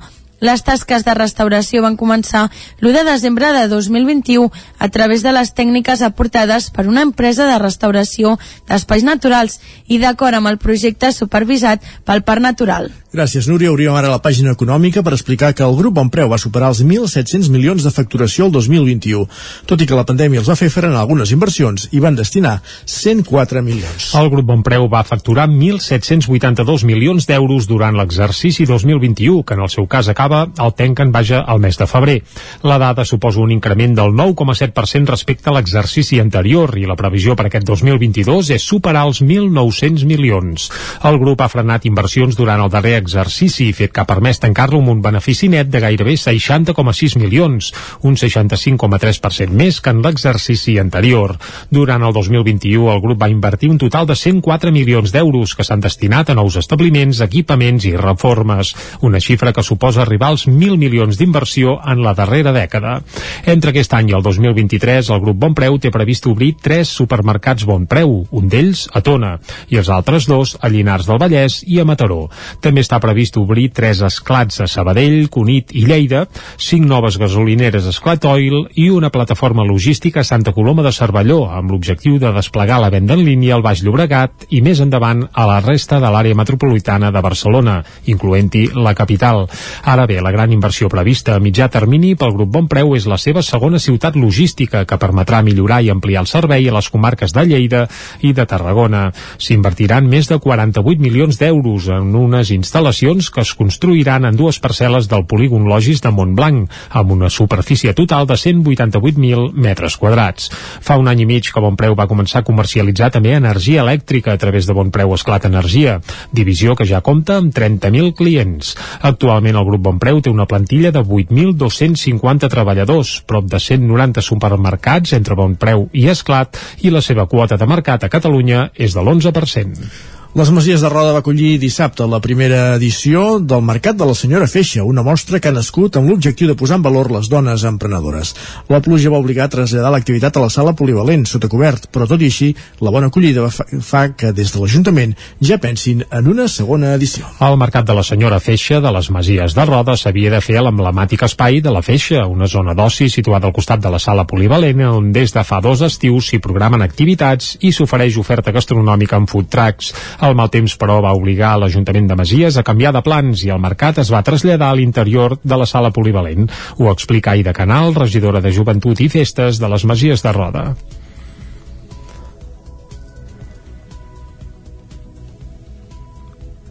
La idea era fer-ho a l'espai de la Feixa, que és un espai molt bonic que tenim aquí al costat de l'Ajuntament de Masies, però bueno, eh, ha estat així eh, ja esperàvem la pluja per tant ens en alegrem haguéssim desitjat que hagués estat un altre dia però bueno, ens ha tocat i cap problema. Vam, ja vam fer previsió de que plouria per tant ho hem pogut posar a dintre la sala polivalent i al final llueix prou Les 18 artesanes que hi havia al mercat, doncs, es van ubicar a l'interior de la sala polivalent, que es va convertir en una espècie d'embalat presidit per un escenari on durant tota la tarda de dissabte s'hi van poder escoltar propostes amb accent femení, com les de Laia Saragossa o Carlota Flanur. Al mercat també hi havia servei de bar, oferta de restauració sobre rodes i, bé, i moltes coses més. Tot i el mal temps, la resposta del públic va ser bona i des de l'Ajuntament de Masies tenen la intenció de donar continuïtat a un mercat que ja tenien previst arrencar l'any passat. Ai, de Canal. Aquesta és la primera edició, havia de ser l'any passat, però entre que teníem el projecte poc madur i que la situació no acompanyava, vam decidir aplaçar-ho per aquest 2022 i sí, l'intenció és poder-ho fer cada any i, i fer créixer el mercat. Joies, roba per a nadons, barrets, productes, cosmètics, tot això i molt més, i sempre amb segell femení es podia adquirir dissabte el primer mercat de la senyora Feixa de les Masies de Roda. L'any vinent, el el mercat tornarà i amb permís de la pluja es farà a l'espai de la Feixa. Esports.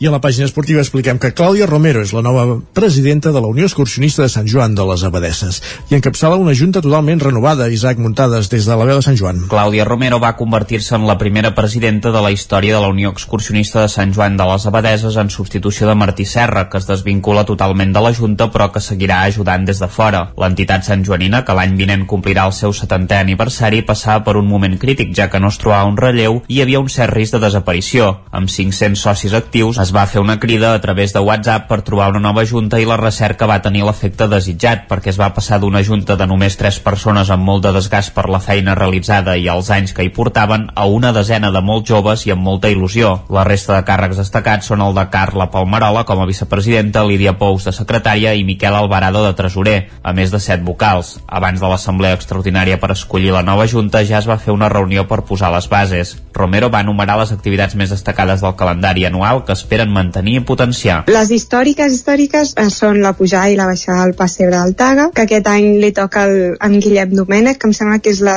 61a edició del pessebre. Llavors tenim la gran cursa del Taga, la porta d'Albert Ramoneda. La sortida d'esmorzar normalment es feia al març, però com amb el canvi de junta no hem tingut temps de preparar res, i la farem el 10 d'abril, que cau en diumenge. Així que properament serem informació sobre això. També hi ha la sortida de l'1 de maig, que té molt d'aforament, molta assistència. A més, deixo la missa del Taga, que es fa el juliol, i aquest any ens fa molta il·lusió que encara hem de veure si, si l'Ajuntament ens dona permís i planificar-la, potser m'estic avançant, però ens fa molta il·lusió començar a preparar una cursa d'obstacles. La idea de la nova Junta és recuperar la marxa d'orientació per l'any que ve, que no es fa des de l'any 2018. A més, també es volen recuperar activitats que es feien abans de la pandèmia, com les sortides de mitja i alta muntanya i els cursos de formació. Els orígens d'aquesta entitat tan important pel municipi són de l'any 1932, en què es va organitzar el grup Esplai a la Vila, que va ser la llavor de la delegació de la Unió Excursionista de Catalunya l'any 1953 i que adoptaria el nom actual l'any 1975. Gràcies, Isaac. Acabem aquí aquest repàs informatiu que començàvem a les 10 en companyia de Jordi Sunyer, Isaac Muntades, Núria Lázaro i Caral Campàs. Moment ara de tornar a saludar en Pep Acosta.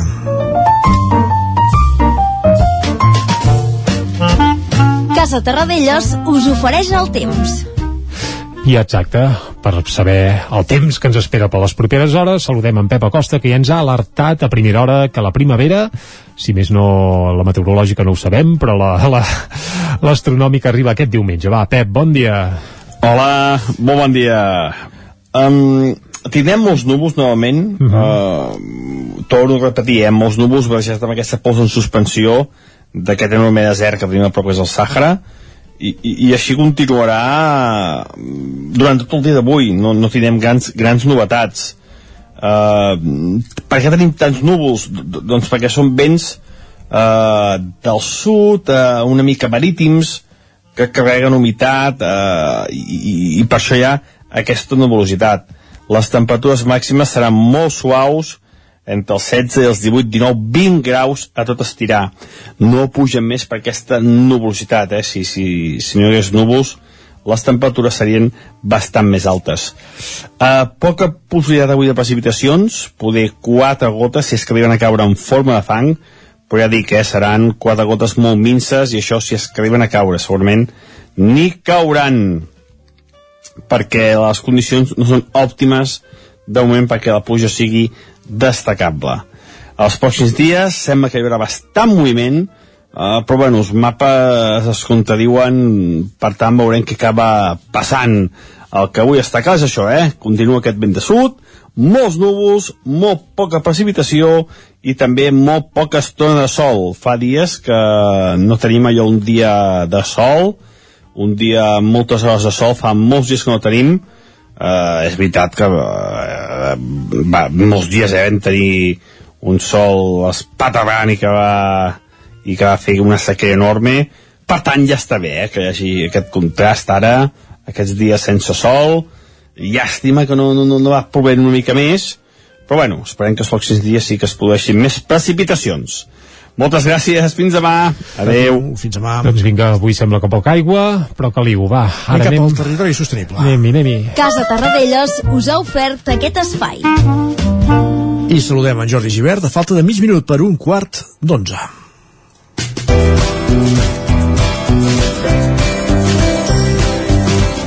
Jordi Givert, com ja sabeu, cada setmana des d'Ona Codinenca ens acosta una proposta dins el nostre territori sostenible i avui parlem de formatges. Anem fins a Centella. Jordi, quan vulguis, bon dia. Avui al territori sostenible ens hem acostat fins a Centelles per eh, visitar el Molí de la Llavina.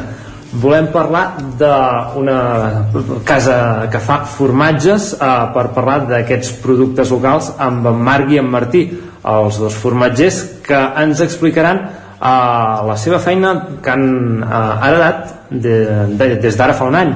Uh, Marc, Martí, hola, bon dia. Bon dia. Bon dia. Ah, Martí, uh, Marc, expliqueu-nos uh, el projecte d'aquí al, al Molí. Uh, quan comença? Vosaltres heu arribat fa un any, però ja ve de tradició familiar, no? Sí, sí.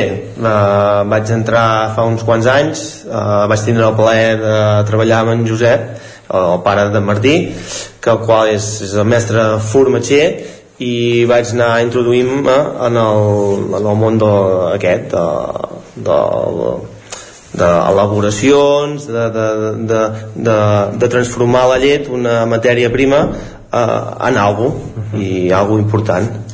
Uh, clar, hem de dir que vosaltres sou cunyats doncs, i, i que treballeu junts uh, heu començat fa un any heu començat després de la pandèmia com, com ha estat aquest, uh, aquest inici de, del projecte?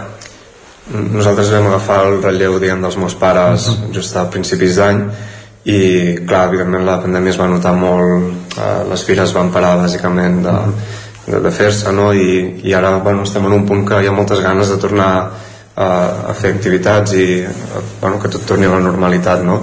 I crec que això ens ha anat molt bé no? notem que hi ha ganes de tirar endavant projectes i a vegades també ens anima a nosaltres a, a poder seguir la formatgeria Uh, parlàveu d'això, de, de, de que heu heredat, uh, feu, feu formatges, uh, sou dos treballant, hem de pensar que són formatges artesans, quins tipus de formatges feu? Bueno, fem una varietat bastant àmplia, fem bastants productes i intentem de, de, de, des de, anem des de tendre fins a madurat i en els, aquest projecte que dèiem amb en Martí era eh, llarga maduració en alguns eh, dels que fem ara uh -huh. i sense deixar de, de, de, de banda eh, el tendre, com és el mató el, el pastís, uh -huh. que també és bo i, i crec que és important Llavors tenim el formatge blau, que és el, segurament el més reconegut de, de la nostra formatgeria, el blau d'Osona, i, i bé, és, farà això uns 30 anys més o menys que l'elaborem i s'ha anat com perfeccionant l'elaboració. és com el buc insígnia de, de la vostra formatgeria diguem. sí, exacte, sí, sí, ah, doncs mira, us anava a preguntar com, com feu un formatge o alguns tipus de formatge em podríeu explicar el procés d'elaboració d'aquest formatge blau, ja que és el més eh, conegut que teniu? Sí, el tema d'elaboració eh, és, és llarg eh, són a base d'hores i després un cop el tens fet eh, és a base de, de mesos a que es tregui el, el fong blau mhm. diguéssim, un cop el tenim fet eh, jo crec que el bo és que el fem a dalt a l'elaborador i després el baixem a, a la nostra cava allà és on s'acaba de donar el, el, els, els tocs bons diguéssim de, mhm. de, del blau el formatge és, és un producte viu, no? es diu per tant li has de donar el seu temps perquè agafi el punt també en el qual està més més gustós, més, més al seu punt i també de cada formatge això eh, és diferent no? per exemple el blau en el nostre cas estaríem que sobre uns, entre el mes 2 i 3 és quan està millor, no? Sí, sí. O sigui, el- poder més aviat uh, dos que no Mm. pas tres, perquè hi ha un moment que també uh, es, es, es passa de gust Mm. i no tothom agrada tant ja després. Clar, eh, aquest és un altre tema, no? Que també va a gustos, ja a cada vegades... persona li agrada d'una manera no? Exacte, i té uns exacte. formatges que li agraden Sí, més sí. i Ah, exacte. altres que... Però bueno, Blau és un dels formatges que ara s'està agafant més renom perquè té més caràcter, té més gust, uh, bueno, uh, i es fa de moltes maneres. Uh, quan, o sigui, des del que ho comenceu a fer fins que el podeu treure al mercat, quan passen d'aquest formatge blau? És això que dèieu? Dels Uns dos mesos. Dos mesos. Uns dos mesos. Però teniu formatges que suposo que necessiten una maduració més llarga, no? També. Intentem que sí, intentem que sí, per exemple el premsat que fem amb cabra bueno, de vegades el venem eh, tant en dos mesos com el podem vendre eh, en tres, vull dir, o en quatre eh, depèn del que si se'ns escau a l'estiu al mig el fem allargar molt més agafa molt més gust. Vull dir que, bueno, és, és depèn. Estem sentint uh, aquí algun animal uh, hem de dir que estem en, estem en una granja la formatgeria és, és, una, és una casa aquest molí, ens podeu explicar una mica la història també de la casa que, què en sabeu d'aquesta casa? Porta aquí des de fa temps Um, els primers documents que hem trobat escrits de, que parlen de l'existència d'un molí que tots hem indicat que sigui el, el que tenim aquí uh, és des del 1060 però la, el que és la meva família la, la família Llavina va arribar aquí el 1497 si no m'equivoco malament. Déu-n'hi-do també. Fa sí, sí, sí, són ara 20 generacions um, una mica més de 500 anys que, que estem aquí no? i per tant la casa com a mínim té, té aquesta antiguitat però bueno, una casa d'aquest tipus uh, es va construint en fases, en blocs no? sí. i fins i tot visualment es veu no? que, que cada part és clarament diferent i construït en una època diferent i aquí és on teniu la formatgeria aquí mateix en una part de, de la masia uh, l'elaboreu completament a, aquí tot el formatge no? Sí. Uh, i llavors uh, la llet de- d'on l'aconseguiu? són la llet locals sí, o...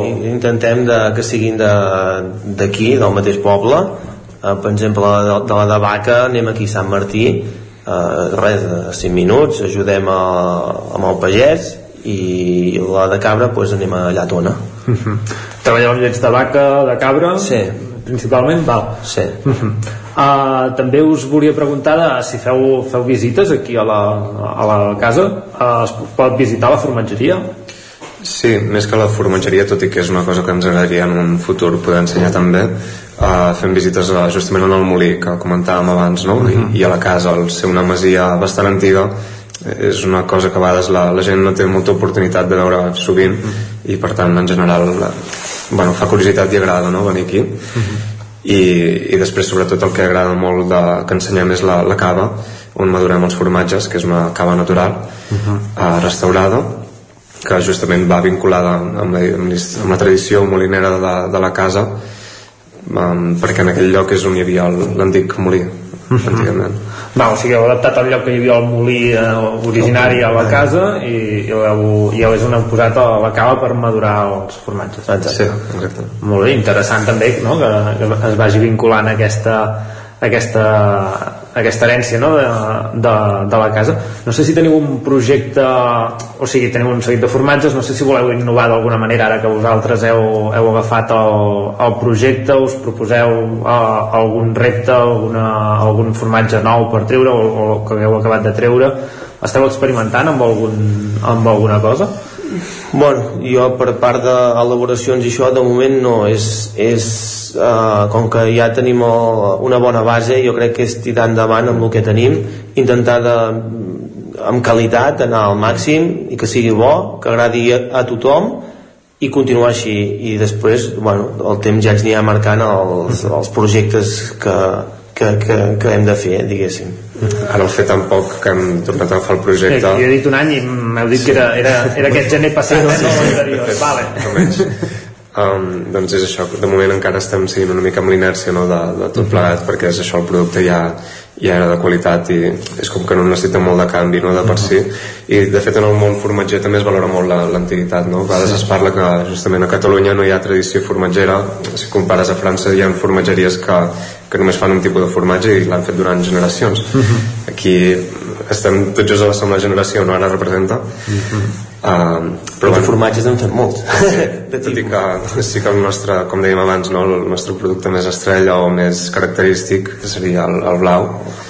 I, i bueno, sí que havíem parlat una mica de detalls de l'elaboració anar perfilant o, Bueno, sí. o adaptar-ho al nostre ús a vegades també Bueno, sempre amb la- amb l'elaboració sempre hi ha canvis, o sigui, però tens una fitxa, tu segueixes això i més o menys pots anar fent, ja ten, tens una guia. I a partir d'aquí tu fas les modificacions que tu creus adequades i com veus la quallada o etc. Vull dir que no, que no ens tanquem amb un... Ara quants formatges teniu, si, si fem comptes eh, més o menys, o sigui, quants tipus de formatges? Tipus. Dos, tres, clar, també no els tenim sempre tots els tipus perquè segons l'època de l'any, potser no? Bueno, No, per, per, per, per producció.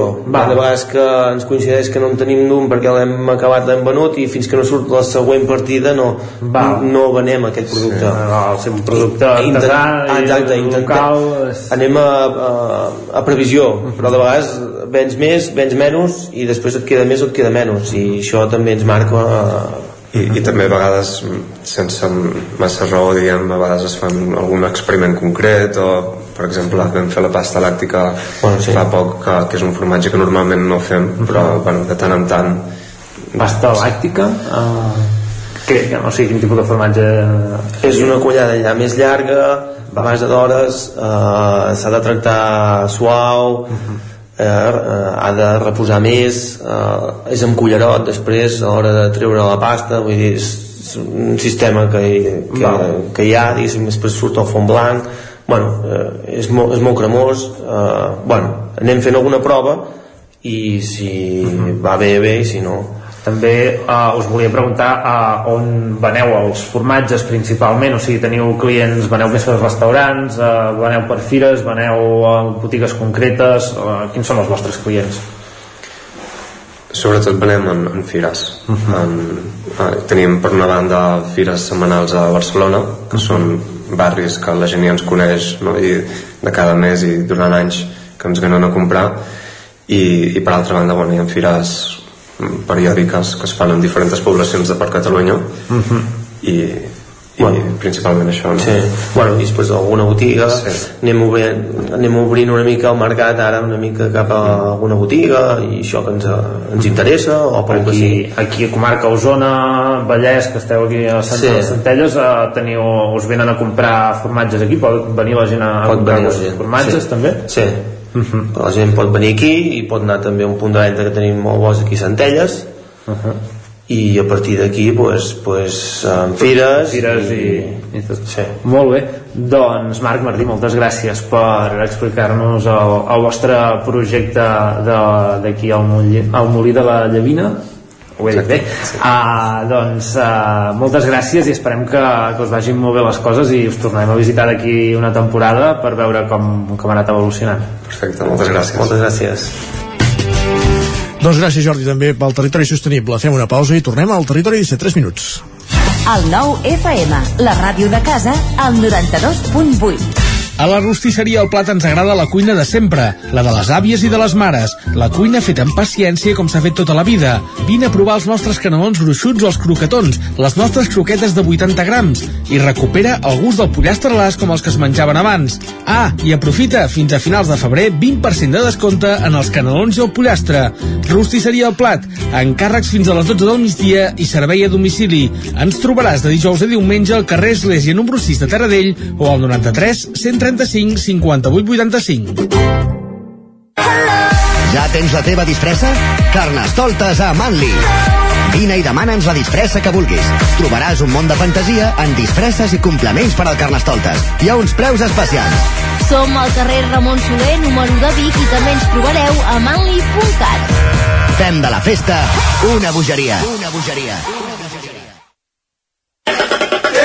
Del 13 al 20 de març torna el Carnaval de Centelles.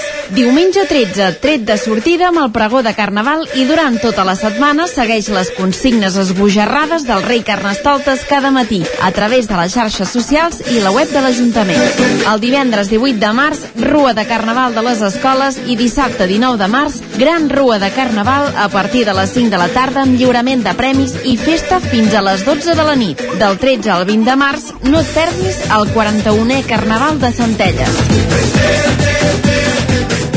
Cobertes serveis funeraris. Els nostres tanatoris estan ubicats en els nuclis urbans més poblats de la comarca d'Osona per oferir un millor servei. Tanatori de Vic, Tanatori de Manlleu, Tanatori de Centelles i Tanatori de Roda de Ter. Sabem que són moments difícils i per això el nostre compromís és atendre-us en tot moment amb un tracte humà, sensible i respectuós. Cobertes serveis funeraris. Telèfon 24 hores 93 883 23 46.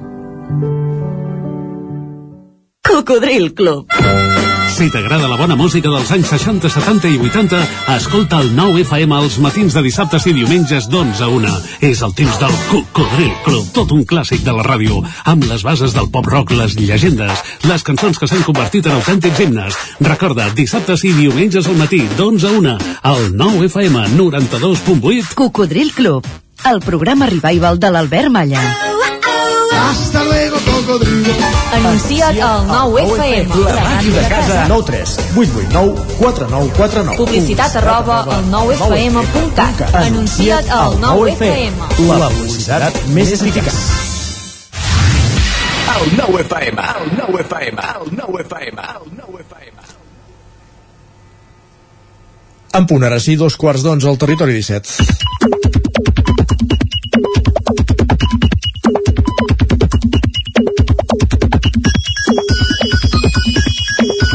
I no falla puntualment cada dia a aquesta hora és en Guillem Sánchez, Jordi. Exacte, ja el tenim aquí cada dia a l'equador del territori 17 ens ve a fer una visita.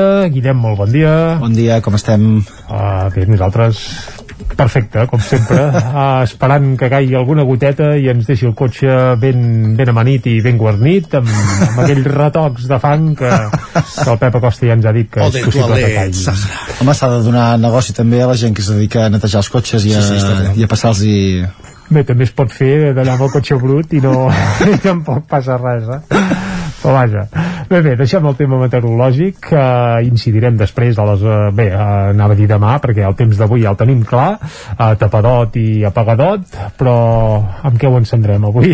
I Va, amb això, doncs... Ho encenem amb, amb música i esport perquè ahir coneixíem aquest acord eh, que havia arribat al Barça amb Spotify per a les pròximes temporades perquè, Home, no, no ha estat cap sorpresa, eh? Ja No, s'havia no, no. filtrat per tot arreu, eh? perquè puguin posar això, eh, el nom a, bueno, el, el logo a les, a les samarretes de partit, d'entrenament i perquè el Camp Nou porti també el nom d'aquesta plataforma musical. Uh, això no ha passat desapercebut a xarxes, en Joan ens exposa supercontent que Spotify sigui el main partner i l'official audio streaming partner of Life and Power i que no només ens doni els title rights sinó també els naming rights. Diu tantes paraules en anglès han de ser bones o almenys sonen a cosa seriosa I fi Però també sí. repercuteix en els músics catalans, no?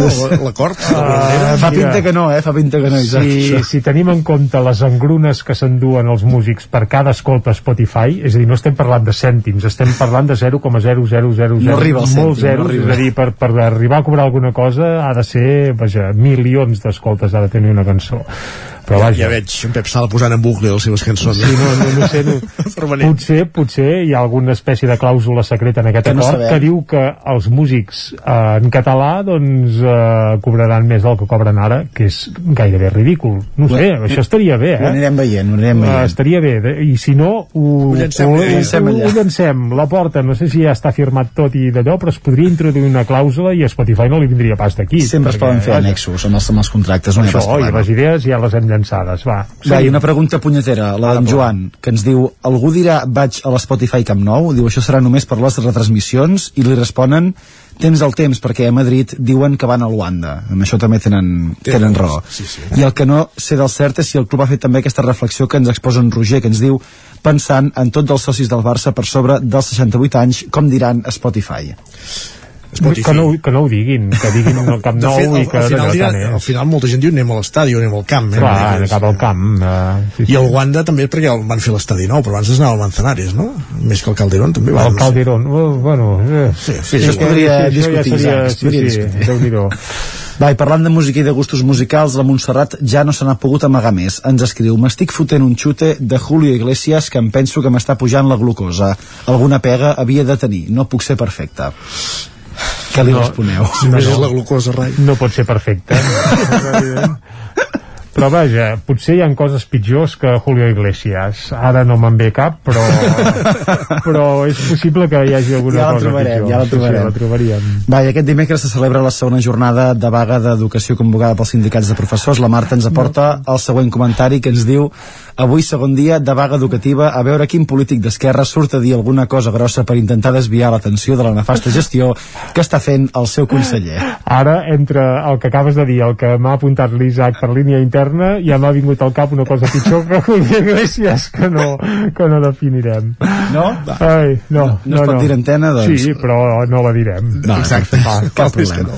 Va, la Noemí ens exposa una reclamació que fa temps per la qual lluita. Diu, em fa gràcia que el govern li sembli inacceptable que es convoquin 5 dies de vaga. Diu, a mi em sembla inacceptable que faci 5 anys que el decret d'escola inclusiva estigui guardat en un calaix. I l'Anna ho resumeix de la següent manera, ens diu segon dia de vaga i a mi el que realment m'agradaria és estar fent les meves classes. De veritat que l'únic que volem és poder fer millor la nostra feina i, oh, quina gosadia atendre millor la xavalada. Doncs a veure si aquestes reclamacions serveixen per, per alguna cosa, per algun canvi Estaria bé, estaria bé, pel bé dels infants, dels pares i dels mestres i de tots plegats, va, tota Però la ara- comunitat educativa. Però ara ens hem de fixar, Jordi Isaac, en coses més positives i agradables. Diu, en Jordi ens comparteix una situació. Diu, hi ha costums meravellosos i després, en un esgraó superior, trobem el tarannà d'una àvia que trobo sovint a un bar.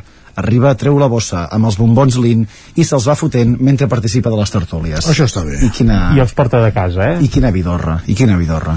Ah, Espectacular. no hi ha com ser un bon Veus? jubilat. Això està bastant més bé que el de Julio Iglesias. Sí, per exemple. I també et puja el sucre, però... I en, també, Ni- també. I en Nil es va trobar aquest dimarts amb un problema inesperat. Diu, ahir vaig anar a comprar llenties, em faig sovint i veure i veure que us les havíeu endut totes vaig haver de comprar-ne de seques. No vaig calcular que aquell quilo, un cop hidratades, seria una olla gordíssima de llenties i ara hauré de menjar llenties fins al 2023.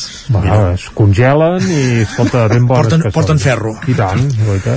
Va, i per acabar un tuit de la Sònia que ahir al vespre ens deia fent un ressupó de quicos. Tinc 8 anys. Un ressupó, Quicos és el blat de moro. Blat de eh? moro, Blat de sí. moro. Sí, sí. Doncs que, que aprofiti, que diuen que ve d'Ucraïna i potser aniràs cas o molt més car, per tant, ara que ahir, encara deu ahir, quedar diu això, demostrat. ahir vaig assistir a una jornada on parlàvem molt de blat de moro però clar, Mm. parlaven en castellà i permanentment tenia la confusió entre el trigo i el maïs i vaig, vaig, arribar a marejar bastant eh? Allò, de què parlen ara? Perquè aclarim-ho, en castellà, blat de moro, com es diu? és el maïs Maïs. I el blat és el trigo. correcte Val. Tu havies d'apuntar a la sí, mà, sí, Isaac, però i... clar, quan estàs, bom- t'estan bombardejant amb dades no és tan senzill Doncs va, blat de moro, moresc, panís i en I castellà faci que ho diguin com vulguin. I En català falta. també ho diem de moltes maneres. Uh, Guillem, et diem adeu, també de moltes maneres. Demà t'esperem aquí per això, eh? Perfecte. I Isaac, fem un cop d'ull ara mateix a les portades del 99.cat. Comencem per el 99.cat del Vallès Oriental, que obre explicant que la meitat de les defuncions per Covid van produir-se els tres primers mesos de la pandèmia. També salven quatre gats d'un incendi en un garatge d'una casa a Montmeló. Carai. Els bombers eh, van salvar això, quatre gats. Eh, des d'aquí ho celebrem, evidentment. I eh, també mestres bellesans es mobilitzen durant la vaga del sector. Fem un cop d'ull ara mateix al 99.cat d'Osona i el Ripollès cobra amb els 10 candidats a Osonenc de l'any. Aquesta és la, la notícia obre ara mateix l'edició del 99.cat d'Osona i el Ripollès i també eh, més seguiment als instituts que als instituts, volem dir que a les escoles en la primera jornada de vaga, recordem que la vaga avui continua i si no hi ha novetats demà també, i que encara queden dos dies a final de mes, i també l'escorxador del Ripollès amplia el suport econòmic dels ajuntaments i ja són 17 els que aposten pel projecte. Perfecte, gràcies Jordi. Doncs precisament d'aquesta vaga de mestres i professors en parlem tot seguit a la taula de redacció amb Natàlia Peix i Isaac Muntades.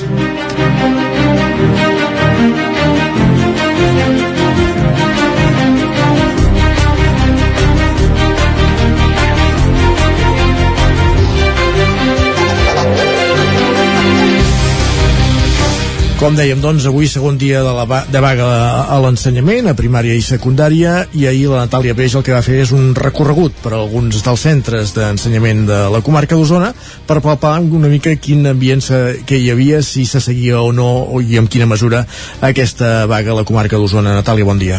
Hola, bon dia. Quines conclusions vas poder extreure, primer de tot?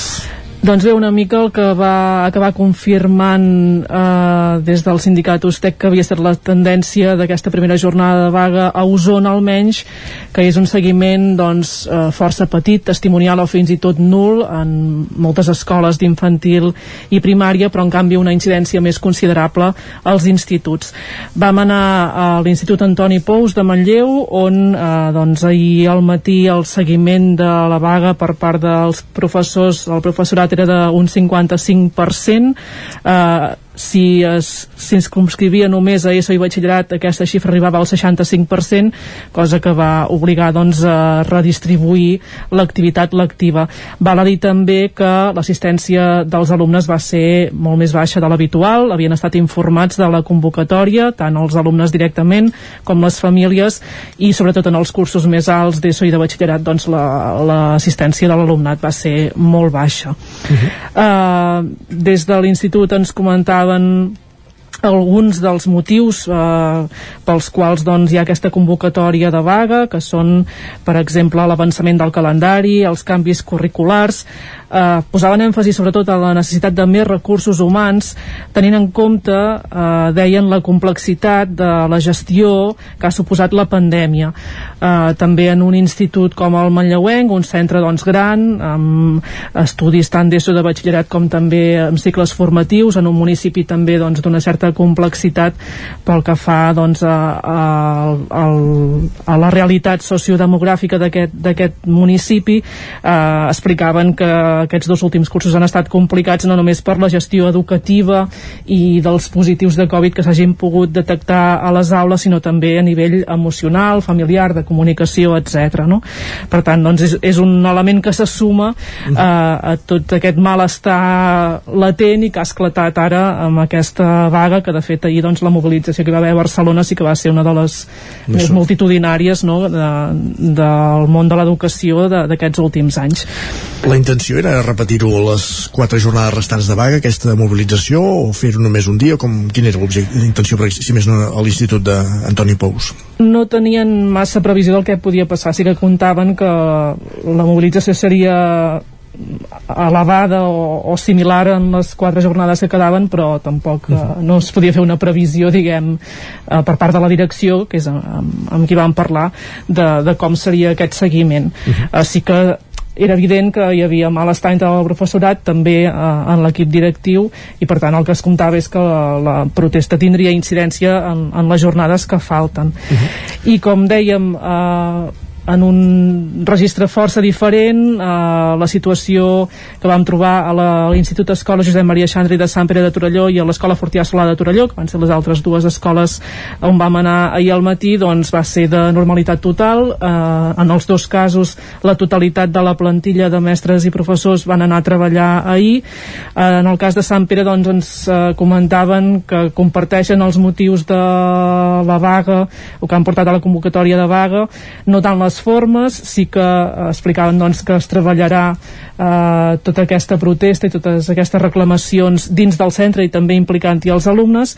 I en el cas de l'escola Fortià Solà la previsió és que hi pogués haver més mobilització sobretot en les dues últimes jornades de vaga de cara als dies 29 i 30 de març i potser també dijous d'aquesta setmana. Però d'entrada, eh, tant ahir com avui eh, des de la direcció pensaven doncs, que no hi hauria tanta mobilització. També és veritat que ahir a l'escola, per exemple, hi havia forces sortides eh, d'alumnes programades, llavors també es va considerar que que fer vaga ahir doncs, implicava eh, canviar totes aquestes sortides i doncs, no es va considerar oportú. Uh -huh.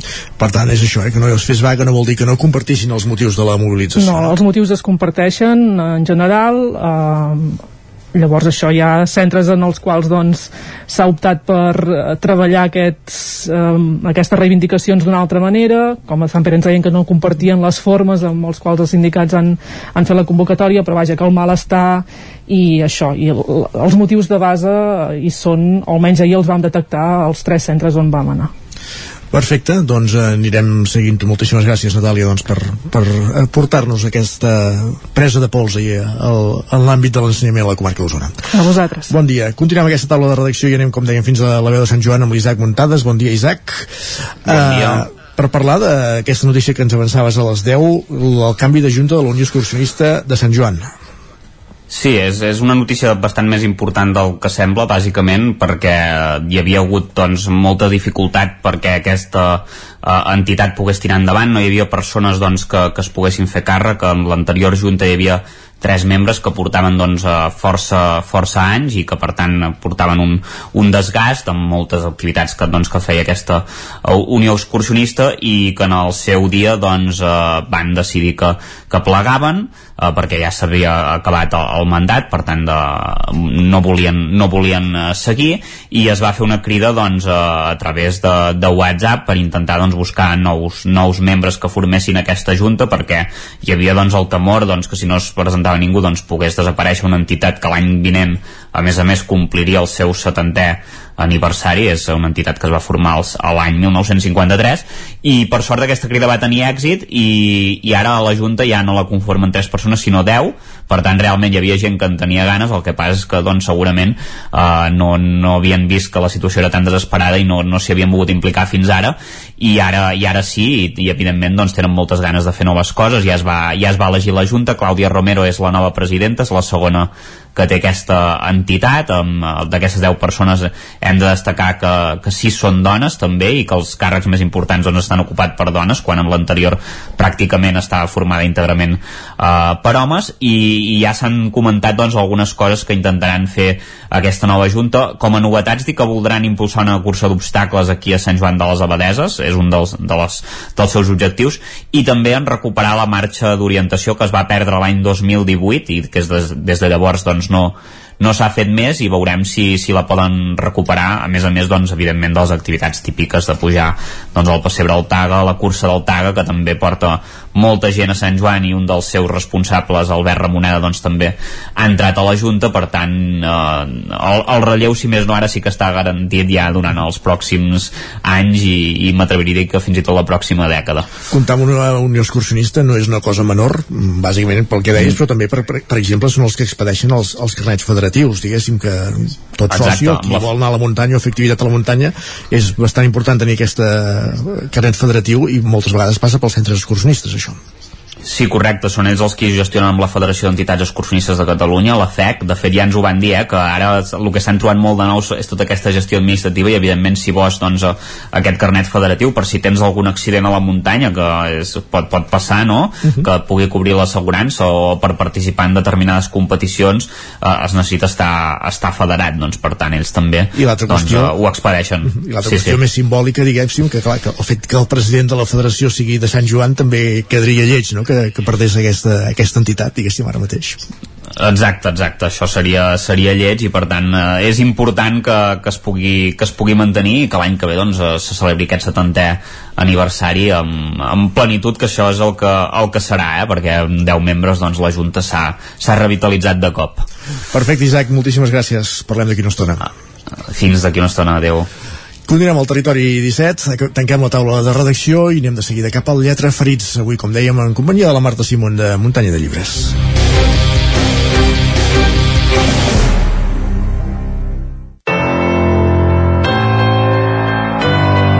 Territori, Territori 17. 17. Territori 17.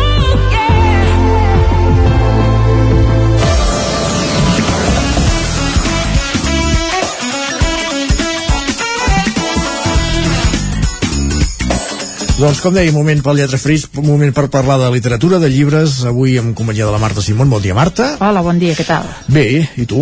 Molt bé.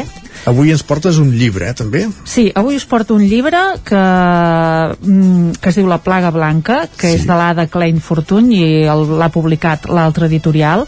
Uh, no és una novetat, és un llibre que va sortir fa un parell d'anys, però que trobo que està bé que en parlem també. No sempre ens hem de centrar en les novetats, tot i que ja estem a les portes de Sant Ara, Jordi. ara anava a dir, això sí que és anar per la banda alternativa. Sí, ara, sí, mes de sí. Sant Jordi parlar d'un llibre editat fa dos anys, m'agrada. És que de debò, els, els llibreters i les llibreteres maneres que sí que ja estem en plena voràgina pre-Sant Jordi, doncs vivim les novetats d'una manera molt intensa aquests dies i també està bé sortir una mica de, de tot això perquè els llibres al final tenen molta vida, una vida molt llarga, no? Uh -huh.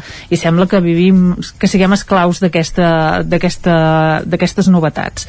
Doncs bé, la plaga blanca va sortir fa un parell d'anys, va sortir pre precisament coincidint amb la pandèmia i és eh, una casualitat perquè el llibre també parla d'una pandèmia no actual com la del Covid sinó de la tuberculosi que va fer estralls el primer terç eh, del segle XX eh, la, la tuberculosi rep diversos noms. Un seria, per exemple, consumiment, perquè és el procés que segueixen els malalts, no? que s'aprimen molt, eh, s'apaguen amb dolor, es resignen, es deprimeixen, es consumeixen, i també és coneguda com la plaga blanca, i d'aquí el títol del llibre. Uh mhm. -huh. Plaga perquè és una malaltia altament contagiosa, i blanca perquè els que la pateixen doncs empal·lideixen molt. I en parlo en present perquè la tuberculosi, que ens sembla que és una malaltia que ja, ja no existeix, i sí que existeix, el que passa és que no se'n parla tant Correcte. no? però vull dir, és una malaltia que encara s'ha de tenir molt en compte uh, què és aquest llibre? doncs aquest llibre és un assaig però no és el típic assaig que potser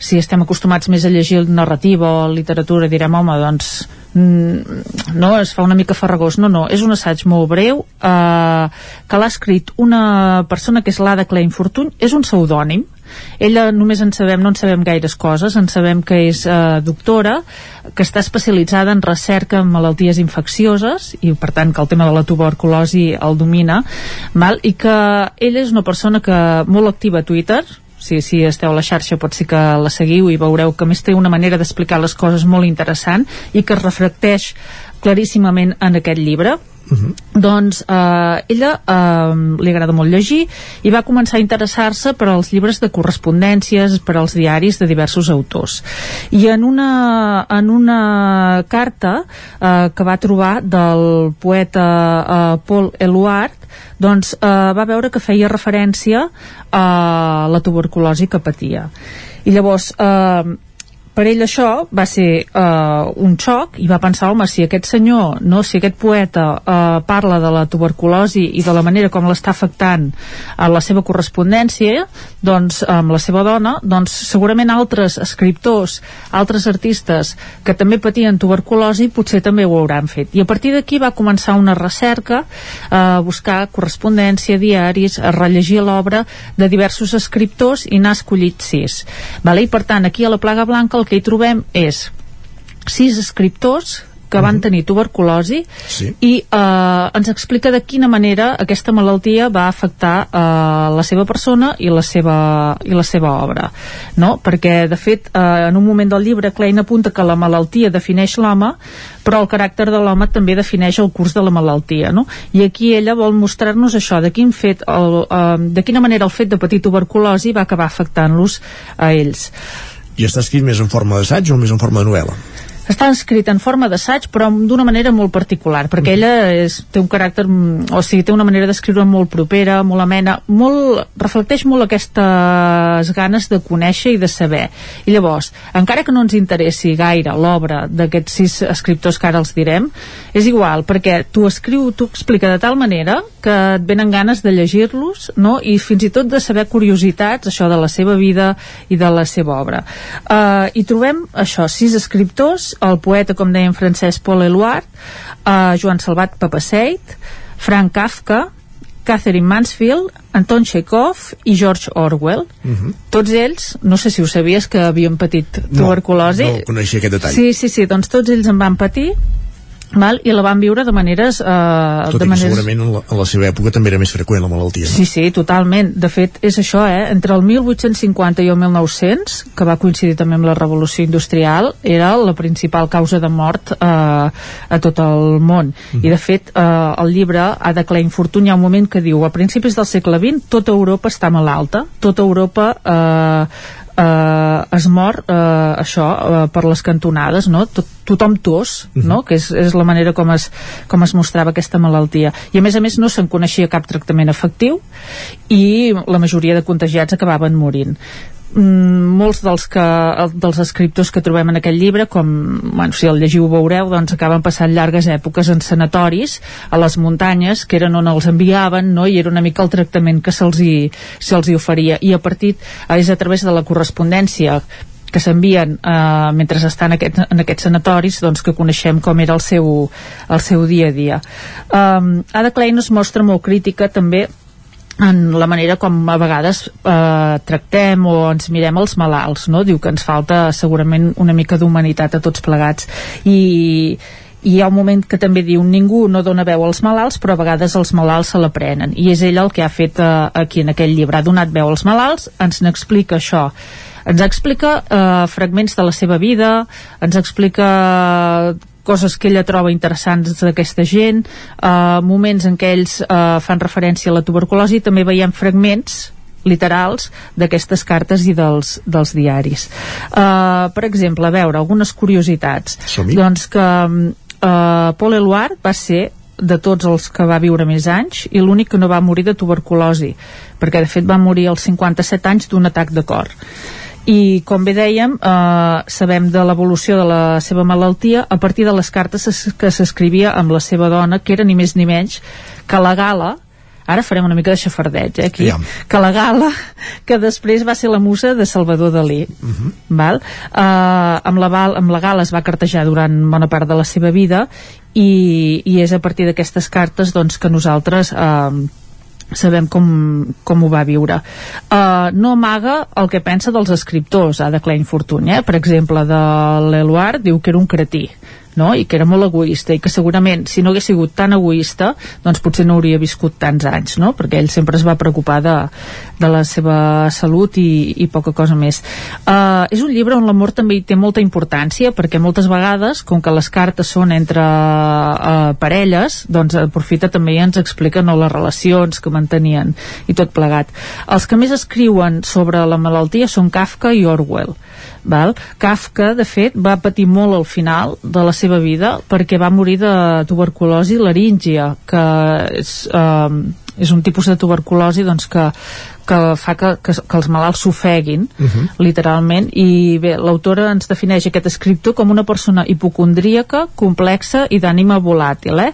Era una mica ara fumo, ara no fumo, ara vull estar amb tu, ara no vull estar amb tu, una mica ho feia, ho feia amb tot, eh? Tenia un caràcter molt difícil, i estava tan angoixat sempre que de fet quan a ell li van, li van diagnosticar uh, la tuberculosi va ser com un alleugiment una mica, perquè al final sabia d'on li venien tots els mals eh? no suportava els metges, de fet cap dels escriptors que el surt el suporta fins i tot Chekhov, que era metge veus?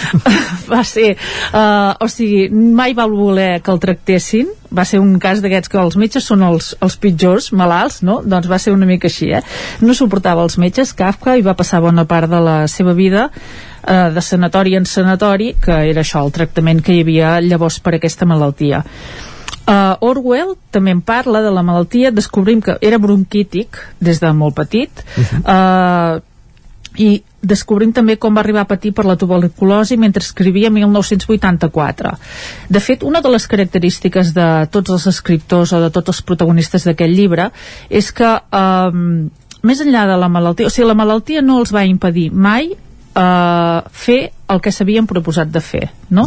aquest senyor tenia l'objectiu d'acabar com fos 1984 i ho va fer uh -huh. no? i és una mica el que els hi passa amb tots uh, tots ells tenen com a denominador comú que són, uh, eren tuberculosos però que sempre van tenir molta voluntat de, de tirar endavant no? i l'autora diu les dèries mouen el món no? i és en aquest sentit de, de que tenien un objectiu i, i van, van lluitar fins a, fins a aconseguir-lo Um, també ens parla Orwell dels tractaments a què se sotmetia que eren bastant durs uh mhm. -huh. i de nous fàrmacs que no li acabaven de funcionar i, i, i no va anar bé la cosa de Papaseit, què en diu? doncs um, Papaseit va tenir una infància molt pobra va haver de començar a treballar als 12 anys, va passar per diverses feines, va acabar treballant a la llotja de, de, del Port de Barcelona i l'autora està quasi segura que va tenir un amant en un sanatori eh, mentre estava en un sanatori a Escaldes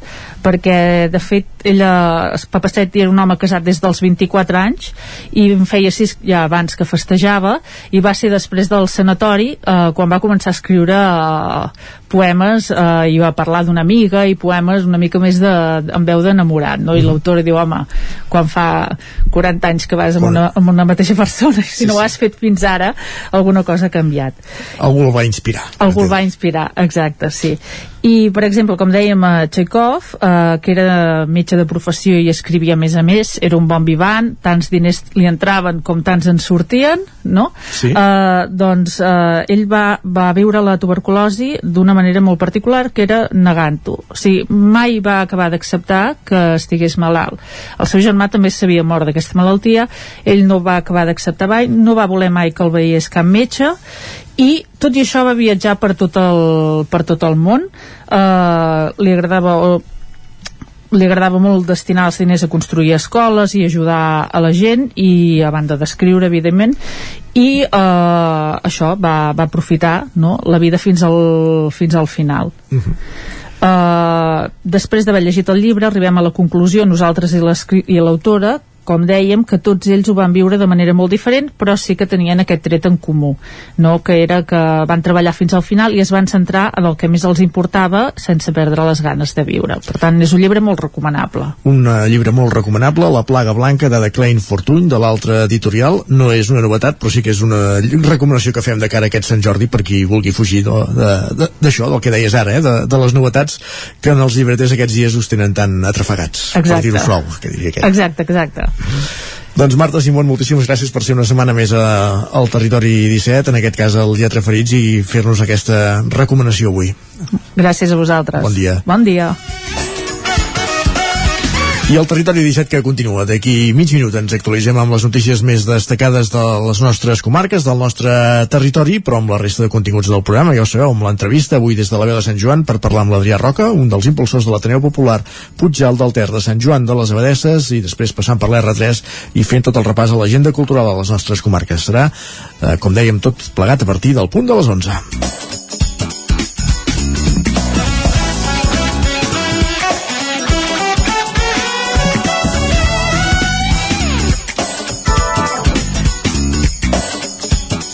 Doncs com deia, ara mateix que són les 11, moment d'actualitzar-nos al Territori 17. Territori 17, amb Isaac Moreno i Jordi Sunyer.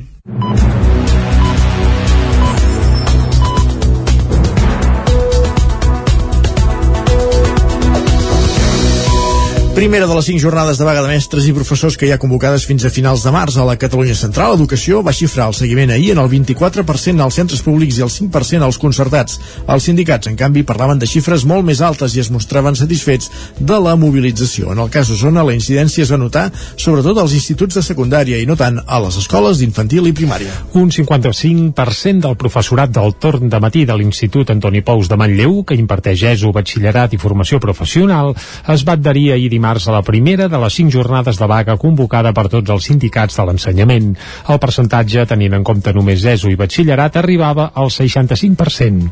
La direcció de l'Institut es va sumar a la carta conjunta adreçada als serveis territorials d'educació a la Catalunya Central, en què s'exposaven motius de malestar com l'avançament del calendari, els canvis curriculars o la necessitat de més recursos humans que se sumen a la complexitat dels últims mesos marcats per la pandèmia.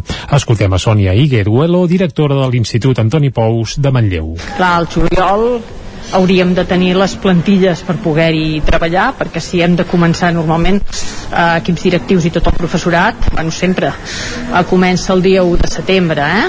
Aquesta vegada eh, tindrem menys dies per planificar. Llavors, si hi ha professorat nou, aquest professorat nou també s'ha d'acollir. En una setmana és complicat. A les escoles d'infantil i primària a Osona la incidència de la vaga va ser menor que als instituts. A l'escola Josep Maria Xandri de Sant Pere de Torelló i a la Fortià Solà de Torelló, per exemple, tot el professorat va anar a treballar. En general, però, es comparteixen els motius de l'aturada. Escoltem per aquest ordre a Marta Buixader, directora de la Josep Maria Xandri, i a Laura Umatell, directora del Fortià Solà. Creiem oportú treballar-ho des de dins el centre, amb els infants inclosos, és a dir, formant part de la comunitat educativa i que tots puguem opinar opinar-hi. Per tant, avui hi ha normalitat i es faran les classes amb normalitat. Per demà també, possiblement dijous, avui hem quedat per poder-ne parlar una mica amb el claustre, i possiblement dijous i la previsió seria poder del 29 i 30 sembla que la gent té més ganes de fer-ne aquells dies la vaga continua avui i també demà dijous i a més també n'hi haurà, per, o si més no, de moment n'hi ha de convocada pels dies 29 i 30 de març. Els sindicats l'han convocat pel desacord amb la gestió del conseller d'Educació, Josep González Cambrai, en l'avançament del calendari escolar i també amb d'altres mesures com el desplegament del nou currículum. També reclamen un increment de la inversió en educació, la reversió de les retallades i cobertura legal de cara a la sentència que obliga a fer el 25% de les classes en castellà. Arriben els primers refugiats de la guerra d'Ucraïna al Moianès. Des del Consell Comarcal han començat a organitzar l'arribada de les famílies per garantir el seu benestar, ja que s'espera l'arribada de més refugiats durant les properes setmanes. Caral Campàs, des d'Ona Codinenca. La setmana passada van arribar a la comarca els primers refugiats ucraïnesos al Moianès, famílies que han estat acollides per familiars o amics. El Consell Comarcal del Moianès ha començat a centralitzar l'organització d'ajuda als refugiats per tal de facilitar els tràmits com l'escolarització de menors o les sol·licituds de permisos de residència que ha facilitat l'estat espanyol i la Unió Europea. Judit Sala, tècnica d'atenció a les persones del Consell Comarcal, explicava que volen recolzar i facilitar aquestes iniciatives solidàries que surten d'entitats i veïns. Sí, nosaltres sí que ens agradaria fer com una mica el missatge de que des del Consell Comarcal del Moianès s'ha agafat aquesta iniciativa amb l'objectiu de centralitzar, perquè sí que la informació és molt gran i molt diversa, però que nosaltres respectem totalment les iniciatives que es puguin fer a nivell de voluntariat. Posa de dir, estic buscant habitació per una família que arribarà aquesta setmana amb dos menors. Doncs nosaltres ens, ens interessa molt tenir aquesta informació perquè aquests menors s'han d'escolaritzar. A més, el Consell Comarcal vol facilitar la connexió entre possibles llars d'acollida i refugiats. De fet, treballen amb la previsió que arribaran més famílies durant les setmanes vinents. Que, que arribaran properament més famílies i que eh, com que venen aquí perquè tenen un, un familiar o tenen alguna amistat i, i escullen el Moianès bàsicament per aquest motiu però que les famílies que estan aquí ens diuen que no poden acollir més perquè no, els dic, no, no tenen més lloc a casa sí que ara veiem que hem de fer un pas més, de dir com podem relacionar les famílies que tenen aquesta disponibilitat d'habitatge amb les famílies que estan arribant d'Ucraïna. Al Moianès també s'han organitzat enviaments d'ajuda humanitària des de diferents entitats, escoles i empreses cap a la frontera entre Ucraïna i Polònia, on s'agrupen la majoria de refugiats. Un ferit greu per cremades en explotar un bidó amb dissolvent en un local de les franqueses del Vallès ahir. A Granollers també hi va haver una altra deflagració que va causar un ferit lleu. Núria Lázaro, des de Ràdio Televisió Cardedeu. Una persona va resultar ferida greu ahir per cremades després que hagi explotat un bidó amb dissolvent en un local de les franqueses del Vallès, segons han informat els bombers. El bidó es trobava proper a una estufa. El ferit ha estat evacuat pel sistema d'emergències mèdiques. Els bombers van rebre l'avís cap a les 9 i 11 hores van revisar els danys i van comprovar l'estructura del local.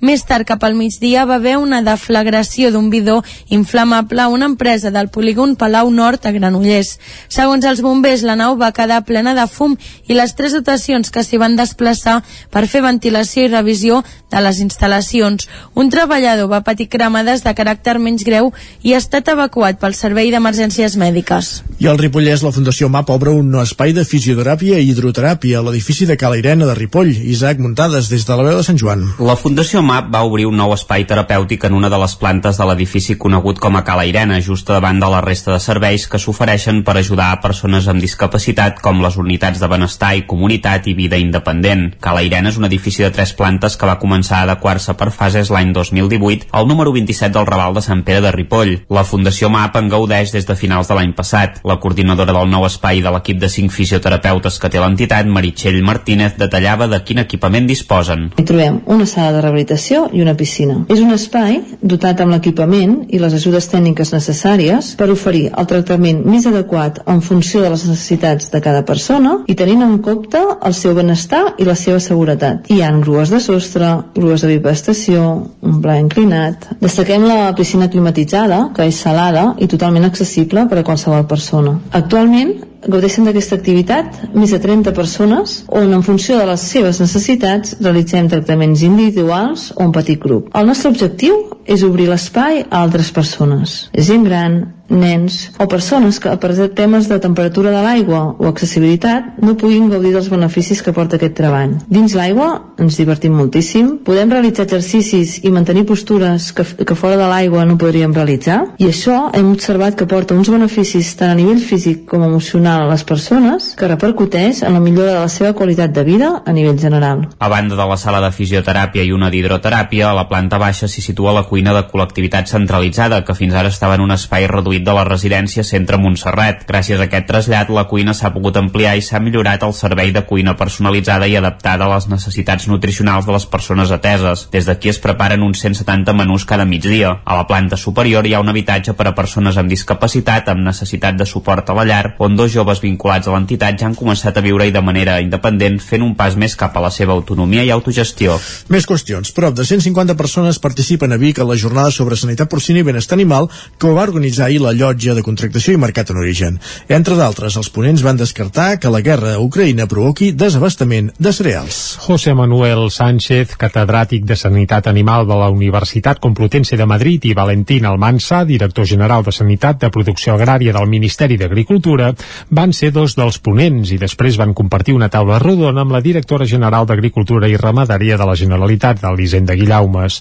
La taula va tractar del consum d'antibiòtics en animals i del paper del ramader davant de les integradores, entre d'altres. Valentín Almansa parlava així de l'ús d'antibiòtics en el bestiar porcí. Cuando tú sales por el mundo, ves muchas explotaciones que no tienen unas buenas medidas de bioseguridad todavía. Y es normal que en esas explotaciones el consumo de antibióticos sea alto. Es normal. Y entonces lo que hay que decirle a esa explotación es que el problema no se resuelve dando antibióticos críticos, el problema se resuelve arreglando la valla, que es un ejemplo tonto, ¿eh? O cambiando el modelo de funcionar, o, que, o impidiendo que el camionero cuando va a cargar los lechones entre en la explotación o impidiendo que el señor de la explotación entre en el camión para cargar los lechones. En relació als antibiòtics, el Mansa va explicar que a partir del mes de juny les granges rebran informació comparada dels consums que en fan, una mesura que hauria de contribuir a reduir-los. Una altra de les qüestions que es van tractar a la jornada feia referència a les mesures de prevenció que la Generalitat ha pres davant del perill de l'arribada de la pesta porcina africana. Escoltem en aquest sentit a Elisenda Guillaumes, directora general d'Agricultura i Ramaderia. Estamos focalizados en prevención, porque cuando sea lucha ya será tremendo. Pero dentro de la prevención Esto es eh, sabido también por todos, que cuando antes detectas el foco es mucho mejor a nivel de actuar y con, con, con la máxima celeridad posible. Durant la jornada també es va descartar que la guerra d'Ucraïna arribi a provocar desabastiment de cereals. Qui planta canta. Aquest és el títol de l'acte de cloenda del 50è aniversari de la delegació d'Òmnium Cultural a Osona i al Lluçanès que es farà demà dijous a l'Atlàntida de Vic. L'espectacle pretén ser un cant a l'esperança que pivoten els quatre grans eixos en què treballa Òmnium. Llengua, cultura, cohesió i país. L'espectacle que es farà demà dijous estava previst fer-lo el 2021, coincidint amb el 50è aniversari exacte de l'entitat a Osona i al Lluçanès. Òmnium va començar treballant els actes per com commemorar el mig segle de vida durant la tardor del 2019, però l'arribada de la pandèmia va obligar a alterar del tot el calendari. Ho detalla Jordi Ortiz, de la Junta d'Òmnium a Osona. En un primer moment haguéssim volgut fer aquest acte just fa un any, que era quan es complien els 50 anys, però per temes de pandèmia i, i tot plegat doncs ho farem al final o sigui, el, celebrarem ja el 50 aniversari fem, ho fem al final. Pel que fa a l'espectacle, es tracta d'un acte amb cert to institucional però sense discursos que sorprendrà. Es titula Qui planta, canta, fent referència al refrany popular Qui de jove planta, de vell canta. Un dels seus artífecs és l'artista Martí Font. És un directe que defuig una mica el caire més institucional i hem apostat per, per un directe visual que s'estructura a partir dels quatre eixos vertebradors d'Òmnium Osona Lluçanès que són cultura, llengua, cohesió i país. A l'entorn d'aquests quatre pilars, doncs, es podran escoltar versos d'Àngel Guimarà, Salvador Espriu i Miquel Martí Pol. També hi haurà passatges en presència d'artistes vinculats al món del teatre. I la música que hi soni és tota produïda expressament per a l'ocasió. Qui planta canta es podrà veure demà, a dos quarts de nou del vespre, a l'Atlàntida de Vic. L'entrada és gratuïta, però si voleu fer-hi cap, cal descarregar-la des del web de la mateixa Atlàntida. I encara a l'Atlàntida, divendres s'hi reconeixien els millors esportistes i equips de la ciutat de Vic a la nit de l'esport biguetà i una gala que recuperava el format presencial després de dos anys de pandèmia. La nedadora del Club Natació Sant Andreu, Marta González, va guanyar el guardó de millor esportista absolut, entregat en el marc de la 55a nit de l'esport biguetà. Es va imposar el patinador Arnau Pérez, del Club Patinatge Artístic Tona, i el pilot de bicitrial Martí Riera. Entre d'altres mèrits, Marta González es va proclamar durant l'any passat campiona d'Espanya absoluta amb el seu club a divisió d'honor. També va guanyar en 200 metres d'encrol i en diferents equips de relleus. Escoltem a la nedadora Marta González no vaig poder lluitar per el que volia, que eren uns europeus i si tot anava bé hi havia els Jocs de Tòquio així que res, aquesta temporada és l'última si, si tot va com ha d'anar vull gaudir-la al màxim i els meus objectius són bàsicament gaudir del que faig, aprofitar els últims moments perquè faig el que faig perquè m'encanta, així que és gaudir cada moment i si ve algun premi més, endavant. La campiona d'Espanya absoluta de trail, Anna Comet, que també es va imposar el 2021 amb un bon grapat de curses, va guanyar el premi a millor esportista individual femení.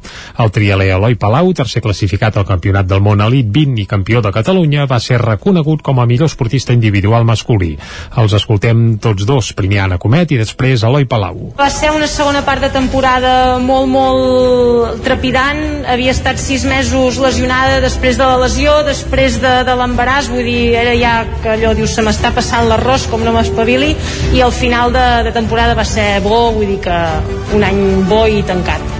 Vic és com la meva ciutat, llavors competir on hi ha tota la teva família, tots els teus amics, és com, estàs com al teu lloc, doncs bé, és una satisfacció que no tothom pot viure i bé, tinc ganes de que de tornar a competir aquest any a la Copa del Món que es torna a fer aquí Vic i res, a tope.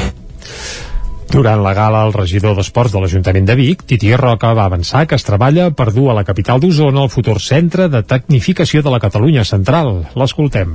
No demanem un centre de, de la Catalunya Central a Vic perquè sí, sinó perquè creiem que hi ha el teixit esportiu necessari per créixer, les instal·lacions per fer-ho, la residència per fer-ho, els estudis per fer-ho. Per tant, les coses que creiem que defensem tenen el sentit per un escenari com el d'avui, una Atlàntida plena d'esportistes, de tècnics, de coneixement esportiu. Durant la nit de l'esport també es van donar a conèixer els guanyadors dels Premis Ciutat de Vic Activitat Física i Esport, que van ser per a Jordi Boada i Andrea Pérez. Els guanyadors dels Premis de la Festa de l'Esport 2019 també van rebre el guardó, que no se'ls havia pogut entregar presencialment per culpa de la pandèmia. I un últim punt esportiu, el Club Patí Voltregà ha destituït l'entrenador Manolo Barceló pels mals resultats. Al seu lloc l'ocuparà Tudi Noguer.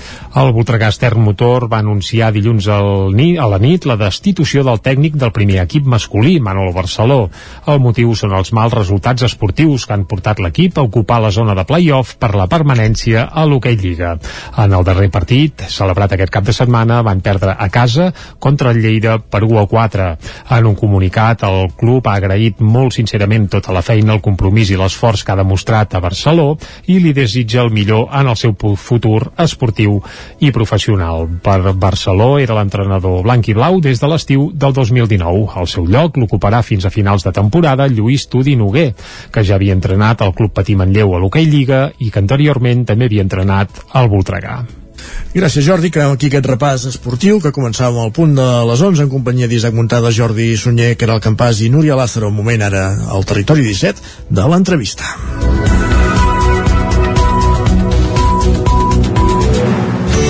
Territori 17. Envia'ns les teves notes de veu per WhatsApp al 646 079 023. 646 079 023. WhatsApp Territori 17.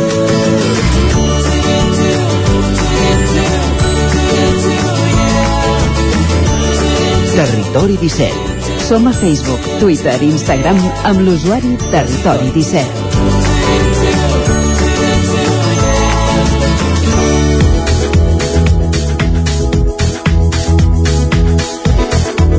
Minut i mig que passen d'un quart de 12. Aquest dissabte es farà la festa de presentació de l'Ateneu Popular Puigal del Ter de Sant Joan de les Abadesses. Una jornada plena d'activitats per donar a conèixer l'Ateneu al municipi, una associació que vol aglutinar el màxim de perfils possibles per ser com més plurals millor, on no s'exclou ningú. Amb tot, sí que s'han marcat tres principis bàsics, ja que es defineixen com a feministes, antifeixistes i antiracistes. Isaac Muntades. Bon dia, Isaac. Doncs sí, per parlar sobre la constitució de l'Ateneu Popular Pujal del Ter de Sant Joan de les Abadeses, tenim al telèfon a un dels impulsors de la iniciativa, l'Adrià Roca, que ens donarà tots els detalls sobre la constitució doncs, d'aquest Ateneu i de quines activitats tenen previst fer eh, aquest cap de setmana i també durant les pròximes setmanes i mesos. Bon dia, Adrià, i moltes gràcies per atendre'ns. Hola, bon dia, Isaac. Per començar, Adrià, aquest cap de setmana s'inaugura oficialment l'Ateneu Popular Pujal de Ter amb una sèrie d'activitats, ja teniu el cartell eh, preparat. Explica'ns què, què es farà aquest dissabte, què teniu previst? Doncs sí, aquest dissabte farem la presentació de tot el projecte que ve ser l'Ateneu, eh, que serà una jornada festiva on començarem eh, el dia eh, cap a dos quarts d'una eh, fent la presentació del propi projecte, explicant a tota la gent que es vulgui acostar doncs, eh, quines idees tenim, què és per nosaltres l'Ateneu, eh, i sobretot doncs, obrir-lo a qualsevol persona que s'hi vulgui afegir, per qualsevol persona que encara no, no conegui la iniciativa, doncs eh, donar-li la benvinguda i que participi doncs, eh, en aquest acte de, de presentació. I després de la presentació doncs, començarem tota aquesta jornada amb, amb una calçotada, eh, després a la tarda farem un, un concert amb un grup que es diu Guazú, que és un, és un grup homenatge a Frank Zappa, que serà superinteressant, fan música sobretot de, de jazz, rock, blues, i acabarem el dia doncs, a, a l'escorxador fent una festa durant la nit. Uh -huh. Anem una mica enrere en el temps. Quan es gesta el naixement de l'Ateneu i per què creieu que era necessari tenir un Ateneu a Sant Joan? L'Ateneu vam començar més o menys a, diem, a no constituir-lo, sinó a, a estudiar la proposta fa un, potser ja fa 4 o 5 mesos, ben bons, on un grup de gent ens vam reunir eh, amb, amb l'idea doncs, de buscar algun, alguna cosa, algun, algun projecte, alguna cosa que ens pogués donar la cobertura per enfortir el teixit eh, associatiu de Sant Joan i sobretot per portar a terme iniciatives que a vegades doncs, no hi ha cap entitat al poble que, que per temàtica doncs, les pugui cobrir, doncs que tenir alguna, alguna cobertura que ens permeti fer qualsevol cosa. I d'aquí va sortir una mica la idea de l'Ateneu, amb gent molt diferent, amb gent que eh, evidentment ens fèiem i ens coneixíem del poble, però que venim d'ambients molt diferents, i, i amb aquesta idea, amb la idea de poder fer qualsevol tipus d'iniciativa, va sortir el projecte de l'Ateneu.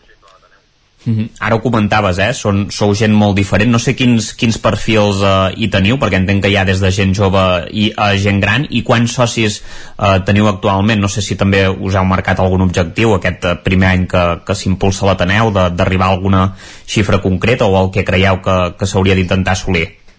Correcte, Isaac. Com, com molt bé dius, eh, som gent molt, molt diferent i pel que fa a edats, doncs ara tenim gent de 17 a 18 anys fins a uh, més de 40, em refereixo doncs gent de perfils molt diferents, de, també de, per exemple, feines molt diferents, uh, maneres de pensar molt diferents, i això enriqueix moltíssim el projecte. I de fet és el que buscàvem. Quan vam arrencar el projecte, el que volíem sobretot és que no aglutinar-nos a un mateix grup de gent, a un mateix grup d'amics, sinó que fos molt obert i qualsevol persona pensi el que pensi, tingui l'edat que tingui, doncs s'hi pogués sentir com dir. De moment no ho estem aconseguint. Som ja una vintena de persones involucrades en el projecte. No els definiríem encara com a sòcies perquè el diem que ara mateix l'Ateneu encara no acull el, el concepte de soci, que esperem molt aviat eh, poder-ho fer, eh, però ara sí que podem dir que som una vintena de persones implicades i molt diferents. I això ens ha ajudat sobretot doncs, que les bases del projecte siguin molt, molt fortes. Uh -huh.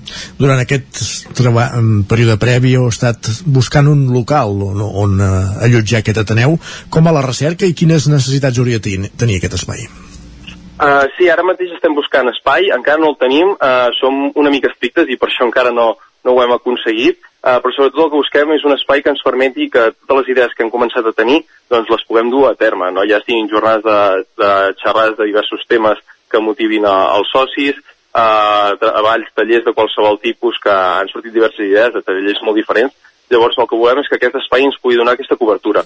Tot i així, nosaltres insistim molt que encara que l'espai sigui important, el més important eh, de l'Ateneu és la gent que en forma part i l'espai al final és una cosa que pot anar canviant Uh, ara buscarem doncs, uh, l'espai doncs, que, que ens puguem permetre, no només a nivell econòmic, sinó també per la disponibilitat de locals que hi ha a Sant Joan, uh, però més endavant no descartem, uh, un cop tinguem aquest primer local, doncs canviar-lo. Tot anirà a condició de, de les activitats que es facin i sobretot doncs, de la gent que formi part de l'Ateneu. Uh -huh.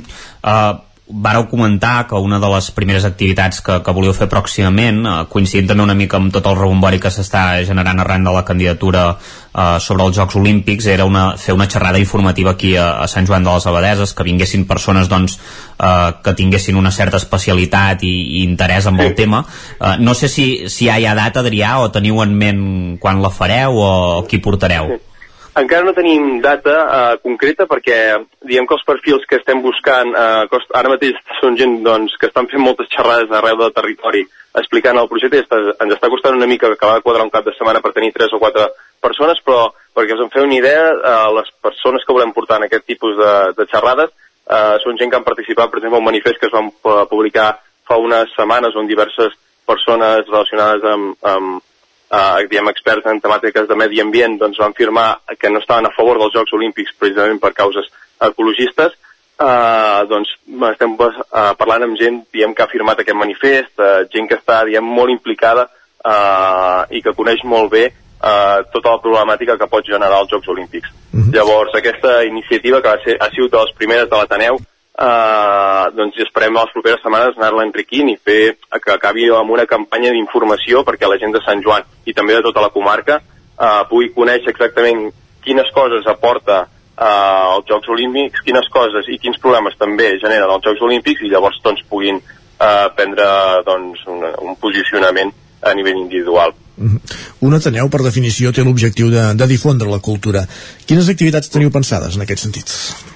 Ara mateix hi ha moltes propostes de, de, de tallers, de trobades, sobretot, eh, com que el projecte està molt, molt obert, doncs les, diem, les activitats no estan definides com a tal, però per exemple una de les primeres propostes que van sortir, que ja va sortir fa uns mesos, és fer una trobada de, de, de cinema, eh, quan hi hagi local, doncs un cop a la setmana, un cop al mes, quan es considera oportú, doncs fer una trobada, triar un tipus de pel·lícula i emetre-la, projectar-la eh, i debatir-la una mica. Aquesta, és, per exemple, és una de les propostes que han sortit, llavors han sortit tall idees de tallers de tot tipus, també, per exemple, hi ha hagut un, una agrupació de Sant Joan que s'està muntant relacionada al món dels escacs, doncs que estan, inter estarien interessats doncs, també en formar part de l'Ateneu. Com podeu veure, eh, són propostes culturals molt, molt diferents. Uh mhm. -huh. I no sé quina és la relació, Adrià, que per exemple teniu doncs, amb, amb les institucions d'aquí Sant Joan, ja sigui uh, l'Ajuntament, també amb el teixit associatiu, amb les botigues, hi ha, uh, hi ha bona interacció ja aquests, aquestes primeres setmanes? Heu, heu notat una bona resposta des de, de, de la gent del poble, del carrer? Us, us ha costat per, per demanar-vos coses? Doncs sí, la veritat és que hem rebut molt, molt bona resposta per part de les associacions, de la gent. Quan vam fer el passat eh, uh, Nadal, doncs, eh, durant el, al mercat doncs, vam fer una parada i la gent que se'ns va costar doncs, ens animava moltíssim en arrencar el projecte i va haver moltíssima gent interessada eh, tant a nivell individual com a, a nivell d'entitats. De, i la veritat és que la rebuda ha sigut molt i molt bona en aquest aspecte. I pel que fa a les institucions, doncs de moment també per, per part de l'Ajuntament la, també, eh, tot i que nosaltres ens remarquem molt que volem ser totalment autogestionats i autofinançats, volem ser diem, un òrgan totalment independent a nivell popular, eh, doncs la rebuda per part de, de tothom en general ha sigut molt bona. -huh. Hi ha un cert component polític rere la creació d'un Ateneu? Uh, els Ateneus sempre, o diem, o normalment estan molt associats, com dèiem abans, a la cultura, però també en posicionaments polítics. Nosaltres ens hem volgut marcar el que serien aquests tres principis que molt al principi de, de l'entrevista parlàveu, eh, vosaltres de, eh, ens definim com a feministes, antifeixistes, antiracistes, però nosaltres els considerem, més enllà que evidentment són punts polítics, doncs com a principis de convivència. Considerem que qualsevol cosa que faci l'Ateneu, qualsevol activitat, qualsevol iniciativa, ha d'anar molt associada en aquests valors, perquè és una mica el, que, el model de poble, el model de societat que, que, que creiem que, que hem de recolzar. Uh -huh. Adrià Roca, doncs, un dels impulsors d'aquest de, Ateneu Popular Puigjal de Ter de Sant Joan de les Abadesses que es presenta en societat aquest dissabte i de, a partir d'aquí anirem veient com, com va evolucionant, com va creixent. Gràcies per ser avui al Territori 17 i explicar-nos aquesta iniciativa. Gràcies a vosaltres. Bon dia. Gràcies, Isaac, també per acompanyar-nos en aquesta entrevista a quatre mans un dia més, en aquest cas com parlant d'aquest Ateneu. Gràcies, Isaac, bon dia. A vosaltres, bon Fins dia. Ara. Continua el territori 17. Farem tot seguit una petita pausa eh, de 3 minutets, ja ho sabeu, i de seguida encarem la recta final del programa, la darrera mitja hora d'aquest matí de dimecres d'aquest 16 de març de 2022. Passarem per l'R3, com sempre, en companyia de l'Isaac Muntades, recollint les cròniques dels usuaris, com cada dia, i acabarem el programa fent un re, una roda per conèixer l'agenda cultural, l'agenda d'actes a les diferents comarques d'aquest territori 17, ja ho sabeu, el Vallès Oriental, el Moianès, el Ripollès i Osona, per conèixer quins són els actes principals que es poden, dels quals es pot gaudir aquests propers dies a les nostres comarques i ho farem, com sempre, connectant amb les diferents emissores del territori 17. La veu de Sant Joan, amb qui parlàvem ara, amb l'Isaac Muntades, però també Ràdio Cardedeu, Ona Cotinenca, Ràdio Vicky i el 9FM. Com dèiem, una pausa i tornem d'aquí 3 minuts amb la traca final al Territori 17. Fins ara. El nou FM, la ràdio de casa, al 92.8. Al restaurant Xavito Gastro de Vic hi trobaràs una cuina mediterrània i de mercat amb gran varietat de plats, amb arrossos, carn o peix fresc de la llotja cada dia. Vine a dinar de dimarts a divendres i prova el nostre menú diari per només 15 euros o a les nits de dijous a diumenge tastar el nostre menú degustació amb arrossos i tapes per 25 euros. Restaurant Xamito Gastro. Ens trobaràs al carrer Callnou número 9 de Vic i al telèfon 93 094 1172 o al 747 42 92 58. El racó de León ja és primavera. Gaudeix de la nostra terrassa. Vine a tastar les xuletilles de lechal a la brasa amb una bona amanida o el xuletón de vedella gallega. No et pots perdre el nostre lechado de Castilla al forn o el cochinillo a l'estil de Segovia. Tot acompanyat del millor celler, al menjador o fora la terrassa. Descobreix la millor cuina de Lleó sense moure't de casa. Vine amb la família, els amics, la parella o sol. T'encantarà. El racó de León, cuina tradicional lleonesa i de mercat. Som al carrer Torelló número 35 de Vic. Per reserves, telèfon 93 889 1950. El racó de León, una cuina diferent. Arriba la primavera i tornen les samarretes. A Gràfic Cert tenim una extensa varietat de samarretes per vestir el teu personal, promocionar la teva empresa, club esportiu, associació... Si estàs organitzant un esdeveniment esportiu o una festa cultural, una samarreta és una bona opció per lluir la teva marca. Ja ho saps, si el que necessites per la teva promoció és una samarreta, Gràfic Cert és el teu proveïdor. I ara també tenim a la teva disposició samarretes 100% reciclades tant de cotó com de polièster. No esperis més i truca'ns al 93 886 12 15 o visita'ns a graficcert.com. A la Clínica Dental Sant Fortià hi trobareu un equip professional que treballa de manera coordinada per oferir un tracte sensible i humà. Estem preparats per qualsevol urgència dental i oferim accions preventives per la tercera edat i els infants. I aquest carnaval, vine disfressat i emporta't un regal.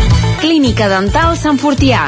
Ens trobareu a la plaça Sant Fortià número 9 de Torelló al 93 859 6408 i al 690 92 51 99. Vols aprendre anglès i viure una experiència inoblidable? Estades per a joves a Irlanda, classes d'anglès i un munt d'activitats, allotjats en família o en residència i convivint sempre amb joves d'altres països. També classes per adults i programes per a tota la família. Tures Language and Travel, especialistes en Irlanda des de 1994. Més informació a tures.cat. nou FM, el nou FM, el nou FM, el nou FM. Territori 17.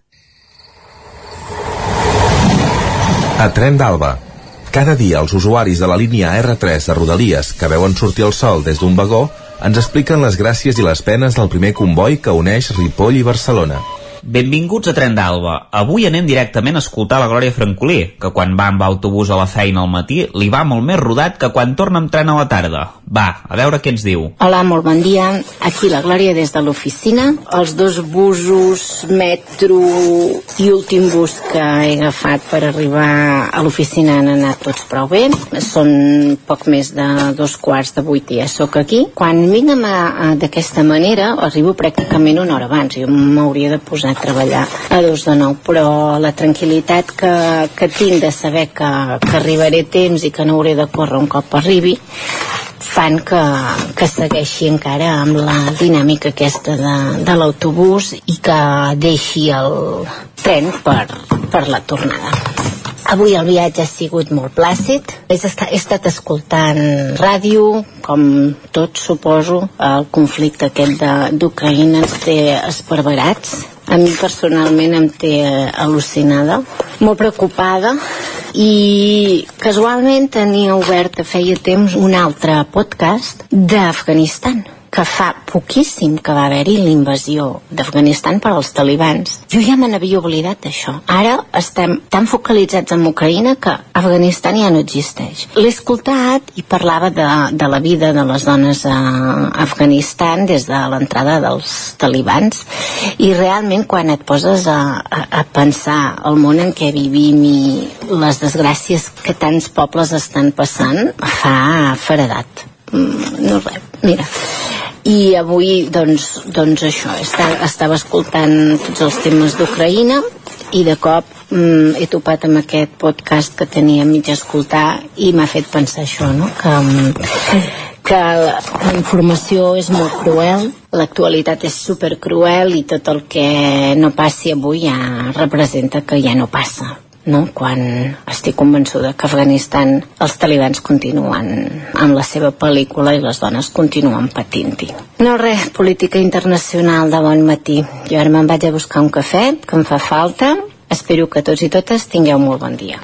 És ben cert, ja ningú se'n recorda com l'estiu de l'any passat els talibans van assolir el poder d'una forma cruel i dictatorial, condemnant a les dones del país a viure en una societat de l'edat mitjana i misògina. Llavors ningú va fer res per evitar que entressin al poder, com tampoc s'ha fet massa a Síria, i encara que sembli que Ucraïna s'estigui fent més, veurem si resulta eficaç. Interessants reflexions les teves, Glòria, com sempre. Va, ens retrobem demà amb més històries del tren i de la R3.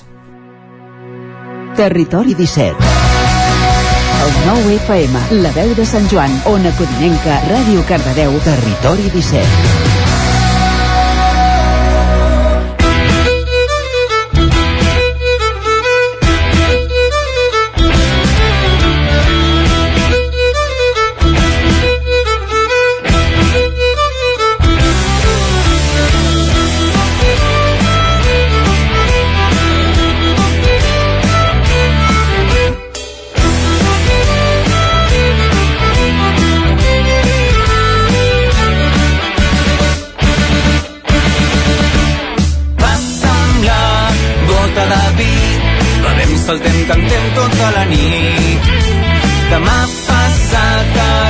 Combat, l'enemic s'acosta i va molt preparat. Aprofitem aquests moments, potser demà no hi haurà demà. Permet que la por s'oblidi que existim. Deixa l'espasa per una altra ocasió. Avui toca que passem el porró.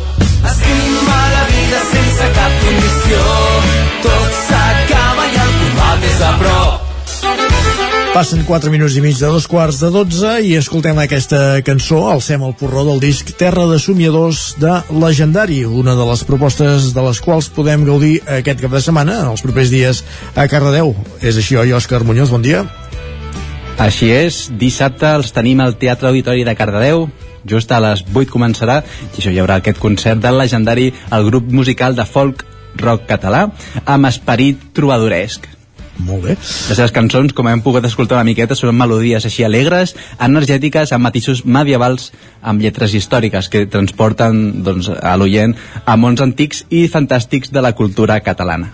Perfecte, aquest doncs- espectacle... Ah, digues, digues, perdona, Òscar, digues, digues. No, res, que aquest espectacle el podem trobar des de 4 euros això, a les taquilles al Teatre d'Auditori de Cardedeu. Dissabte aquest concert al Teatre Auditori de Cardedeu i amb ells obrim la roda d'aquesta agenda cultural de, dels propers dies eh, que a l'entorn de Cardedeu segur que hi ha més coses, oi, Òscar? Exacte. Eh, Acabem a Cardedeu també. Diumenge a les 5 hi haurà l'espectacle Andròmines. Just també de, en, en el Dia Mundial del Teatre Infantil i Juvenil, doncs hi haurà aquest espectacle d'Andròmines que ens explica una història d'una noia quan puja a les golfes de ser casa i redescobreix les seves joguines i torna a ser petita per un instant. Aquest espectacle també el trobarem, ja encara hi ha entrades, i el trobem des de 5 euros. Molt si bé. no, ara ja a Granollers. Divendres destaquem dos espectacles, el primer a les 8 del vespre, dins del 32è Festival de Jazz de Granollers, que en aquesta ocasió porten el Xavi Torres, pianista tarragoní, és un dels músics més destacats i amb més projecció del panorama jazzístic europeu. També va ser guanyador del Am de Rock, el millor disc de jazz, el 2019. Trobarem les entrades al Casino Club de Ritme de Granollers i després, si no, una hora després a la sala 9 hi haurà el de Carmanyola Day i nits musicals. Serà un sopar de Carmanyola per tota aquesta gent que vulgui apropar-se a la sala 9 i hi haurà diferents concerts amb cantautors, grups novells i en estat emergent de Granollers i de la comarca. Així Guai. que si voleu escoltar música nova... Ja està bé, eh? Fer, voltar- anava a dir, ja està bé d'haver fet el tàper cada dia o la carmanyola cada dia per anar a la feina, només falta ara fer-la el dissabte a la nit per anar de concert, però vaja, bona Exacte. iniciativa de Bueno, nou sí. Sí, exacte. I, I això, i acabem dissabte a les 6 de la tarda al Teatre Auditori de Granollers tenim el concert amb band de Big Band. És un nou concert de la Big Band de Granollers eh, per a públic familiar on aborda la figura del músic i de les Big Bands, tot per descobrir el procés de creació doncs això, de les Big Bands. Com podem veure, portem bastant... música. Molta música i espectacles també per molta gent jove. Molt bé. Doncs esteu animats eh, a la part central del Vallès Oriental, Granollers, Cardedeu. Eh, és tot, Òscar? Tenim alguna altra proposta? És tot. Perfecte. Doncs molt bon dimecres. Gràcies un dia més per ser al Territori 17. Que vagi bé. del centre del Vallès, de Granollers ens, i Cardeu ens anem cap a Sant Feliu de Codines i cap al seu entorn, Caldes, Vigues, el Moianès, amb la Caral Campàs, aquí ja saludem, bon dia Caral. Bon dia. També esteu tan animats en aquesta banda del, del Vallès, no hi ha tanta música? No hi ha tanta música. Aquí tenim uh, moltes exposicions. Uh, un reguitzell bastant gran. Um, començo uh, parlant-vos de, de la que es pot veure aquí, precisament a Sant Feliu de Codines, um, Dones Femení Plural, Sant Feliu de Codines 1900-1955, una exposició que es va inaugurar coincidint amb el Dia de la Dona, el 8 de març, i que es, encara es pot veure fins al dia 20 al Centre Cívic La Fonteta. Uh, també a Sant Feliu de Codines tenim en dansa una exposició de punts de llibre Colors i Natura, cedits per Tanet, que es pot veure fins al 28 de març a la Biblioteca Joan Petit i Aguilar. Eh, I també exposicions eh, a Caldes de Montbui. Aquí tenim l'exposició Estiueig de proximitat 1850-1950, de la que ja us he parlat en alguna ocasió, que bé, encara qui vulgui i és a temps de visitar-la, fins al dia 27 de març al, al Museu Termàlia. I a Caldes també, aquest divendres s'inaugura una altra exposició a la sala del G, que es podrà veure fins al 3 d'abril. Uh, L'exposició porta per nom L'aigua és vida, um, amb quadres d'Antoni Font. Uh, I bé, l'acte d'inauguració serà aquest divendres a les 7 de la tarda i, com us deia, es podrà veure fins al 3 d'abril um, a la sala del G en els divendres de, de 6 a 2 quarts de 9 i dissabtes i diumenges a matí tarda. Uh, on també tenim exposicions és el, el Moianès aquí uh, bé tenim l'exposició Catarsi Feminista a Cal Ros, a Monistrol de Calders que també ja us en havia parlat doncs bé, uh, encara uh, es pot visitar fins al dia 27 de, de març i a més a més aquest divendres hi haurà una tertúlia debat sobre aquesta exposició Catarsi Feminista uh, que estarà moderada a càrrec de Tati Pisa de l'Assemblea Feminista del, del Moianès eh, i és un acte doncs, obert a dones de, de totes les edats. Aquesta tertúlia sobre l'exposició serà aquest divendres a les 5 de la tarda al mateix espai on es farà l'exposició a Cal Ros. Molt bé. Eh, deixo una banda, de banda ja les exposicions i porto dues propostes cinematogràfiques a, Endavant. al Moianès. Mm, una és cinema infantil a l'espai Amalosa de Santa Maria d'Oló, La revolta dels contes, que es projectarà el dia 20, diumenge a les 11, eh, com us deia, eh, a l'espai Amalosa de Santa Maria d'Oló, eh, per infants a partir de 7 anys, i l'entrada té un preu de 3 euros. I una altra proposta cinematogràfica, també a Santa Maria d'Oló uh, en el marc del cicle Gaudí també diumenge, però a la tarda doncs es projectarà sis dies corrents de l'autora premiada um, ballesana Neus Ballús uh, doncs bé, aquesta film mm, Premi Gaudí, sis dies corrents que es podrà veure uh, aquest diumenge. I acabo uh, a Sant Feliu de Codines una altra vegada amb una proposta teatral a la 39a edició del concurs de teatre amateur Vila de Sant Feliu de Codines. Aquest diumenge ens porta la taverna de la Rosita uh, del grup de teatre Collonaca de Terrassa i bé, serà a partir de les 7 de la tarda al Casal Cultural Codinenc Perfecte, Caral, doncs moltes gràcies també. Gràcies bon, a tu. Bon dimecres. Fins ara. Fins ara. Eh, Bon dimecres. I anem cap al Ripollès.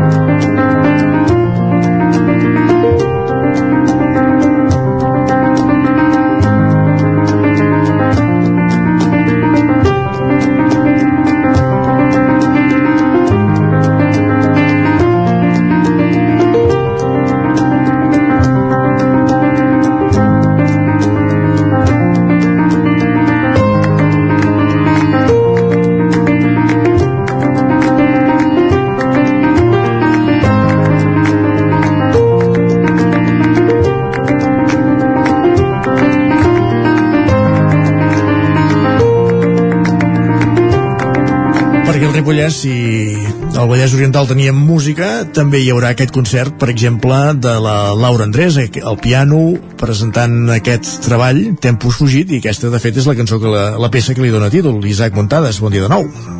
Sí, de fet, el, el, aquesta peça es diu, com, com comentaves correctament, es diu Tempus Fugit. El, el disc, el primer treball en solitari, es, es, es diu Blanc. Correcte, tens com- raó, sí, sí, cert. Sí, sí, no, però aquesta peça efectivament és, és Tempus Fugit, que de fet és una de les més marxoses d'aquest disc, perquè són peces més, més calmades, més tranquil·les, i aquesta sí que va una mica més uh, accelerada, d'aquí també una mica uh, aquest nom. Uh, com bé deies, actuarà la pianista sabadellenca Laura Andrés aquest diumenge al claustre de- d'aquí del Palau de l'Abadia de Sant Joan de les Abadeses a dos quarts d'una. Uh, Dir-vos que Andrés, uh, com sabeu, és la recent guanyadora del Premi Enderroc 2022 al millor disc de, de clàssica i contemporània, per tant doncs, és, és tot un honor que doncs, dins de la programació del SAT a Teatre Centre doncs, es pugui portar doncs, uh, una, una pianista del, del seu nivell. I Blanc és un disc intimista i ple d'emoció doncs, que, que ens convida a celebrar la vida d'alguna manera i reflexionar d'una manera creativa sobre les experiències i, i les oportunitats. Aquí doncs, bueno, si, si poden veure uh, unes línies melòdiques, una sonoritat, unes textures que també conviden a la introspecció i a buscar doncs, de, dins d'aquest espai uh, blanc que, que és creatiu i que tots tenim i que sovint doncs, no, no el portem a la pràctica. En el seu cas, doncs, evidentment ell és una virtuosa del piano, per tant sí que clarament uh, ho fa i, i bàsicament bé, uh, és un, en el seu directe Andrés uh, fa una proposta uh, molt, molt elegant, una posada en escena elegant, molt natural, també molt propera amb el públic, intentar doncs, humanitzar uh, l'art i la música i, i apropar-los doncs, a, a, cada, a cada espectador. Bé. Per tant, doncs, un, una, sens dubte, una, una de les activitats estrella d'aquest cap de setmana aquí a, a, a la comarca en matèria cultural. Perfecte. Uh, Recordem dia i hora? Recordem dia, lloc i hora, per cert? Sí, uh, és aquest diumenge al claustre del Plau de l'Abadia de Sant Joan de les Abadeses a dos quarts d'una. Perfecte, doncs diumenge al migdia cap a Sant Joan. Exacte, s'ha de comprar l'entrada prèviament a, a, a Code Tickets, uh, també recordem això. Uh, retrocedim res fins al dissabte, perquè a la llibreria La Lluerna de Ripoll hi haurà un recital de poesia, en aquest cas serà a les 12 del migdia, amb les poetesses uh, Gemma Arimany i Montse Maestre. Uh, és un acte titulat Des del cos al, des del cos al revers, uh, que expliquen què viuen i senten des del cos i parlen del cos doncs, amb diferents metàfores, per tant també un recital de poesia força interessant uh, que, que es farà doncs, en aquesta llibreria Lluerna que va tenint eh, activitats cada setmana, eh, com veiem, per tant es, està, està dinamitzant-se a un ritme bastant important. Uh, el diumenge uh, començarà el 18è cicle d'espectacles infantils de Sant Joan de les Abadeses, el primer espectacle dels dos que es faran l'altre està previst en aquest cas pel 24 d'abril ja, i ja en parlarem. Doncs d'aquest primer espectacle és gratuït i va a càrrec de la companyia Filigranes amb la proposta Please Plus que es tracta d'un espectacle de circ que es converteix en un joc constant d'estira i arronsa entre els dos eh, protagonistes i dona lloc a una relació impregnada de, de fantasia eh, entre els dos personatges que hi ha, en Clown i, i l'August, i hi ha una relació on s'equilibren curosament la rivalitat i la complicitat. És un projecte doncs, que ve des de la Regidoria de Cultura, també amb el suport de la Diputació de Girona, i en aquest cas aquest espectacle es fa al Teatre Centre.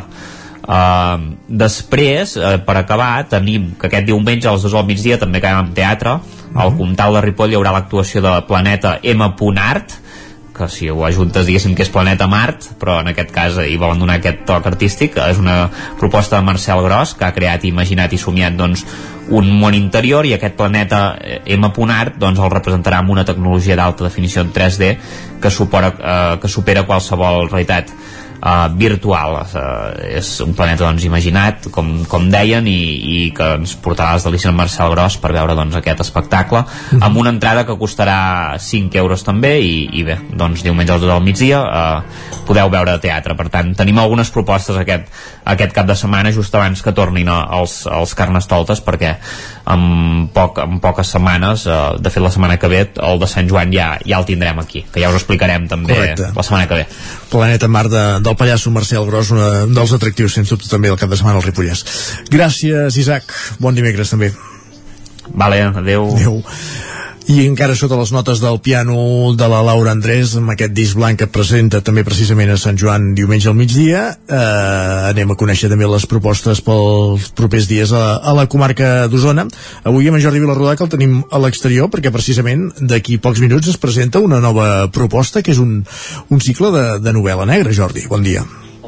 Hola, molt bon dia. Avui us parlem des de la Biblioteca Antoni Pla de Vall de Taradell, des del Centre Cultural de Can Costifon, perquè efectivament d'aquí poc es presentarà un festival de novel·la negra eh, que es dirà Taradell Negre, que es portarà a terme els dies 8 i 9 d'abril i ara doncs aquí uns moments doncs, ens explicaran aquesta novetat que de fet és la primera edició i un festival nou dintre d'aquest marc de, diguem, de, de proliferació que hi ha de festivals de novel·la negra, recordem el Becena Negra que va ser el primer, el Piana Negra, en fi, n'hi ha molts d'altres i Taradell ara s'incorpora una mica en aquest circuit doncs, de, la, de la literatura de la novel·la negra. Perquè de fet ara que ho dius a Osona no n'hi havia cap fins ara, no? No, a Osona no hi havia cap dedicat a aquest gènere i per tant una novetat que tindrem aquest any. Molt bé.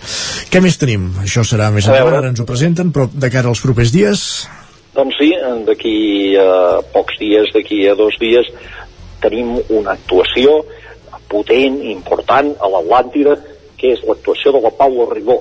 I ara, qui és la Paula Ribó? Perdó, Rigoberta Bandini, més coneguda com Rigoberta Bandini. Uh, o sigui que d'aquí el divendres uh, tindrem l'Atlàntida a les 8 del vespre dintre d'aquest cicle en veu de dona que s'està portant a terme, aquest concert del qual ja fa dies, ara, ara en parlem aquí, però ja fa dies que no hi ha entrades, o sigui, tampoc que ningú tingui esperances que ara ens escoltaran per la ràdio, mira a veure si comprem entrada. No, fa molts dies que no hi ha entrades, de fet es va planificar aquest concert abans del boom de, de Rigoberta Bandini d'Eurovisió, del Benidorm Fest i tot això, i no cal dir que si quedava alguna entrada en aquell moment ja es va acabar de vendre, i, i per tant doncs la tindrem aquí amb el Mamà i amb tots els altres èxits eh, i, i, el, i el Too Many Drugs i les altres cançons i l'Aviam què passa, que és aquella del, de l'anunci d'una cervesa de l'estiu passat i totes les que hi pugui haver perquè de fet eh, la, la Rigoberta Bandini no ha fet disc encara, o sigui, va donant a conèixer uns singles que probablement acabaran en un disc, però de fet tot aquest boom encara fins i tot s'ha produït sense que amb aquest format, doncs amb, amb aquest nom i hagi fet un disc. Mm -hmm. Això encara no és. Mm, és, Divend... és Divendres a les 8 a l'Atlàntida, digues, eh? Divendres a les 8 a l'Atlàntida, efectivament. Con ganas de llorar, pero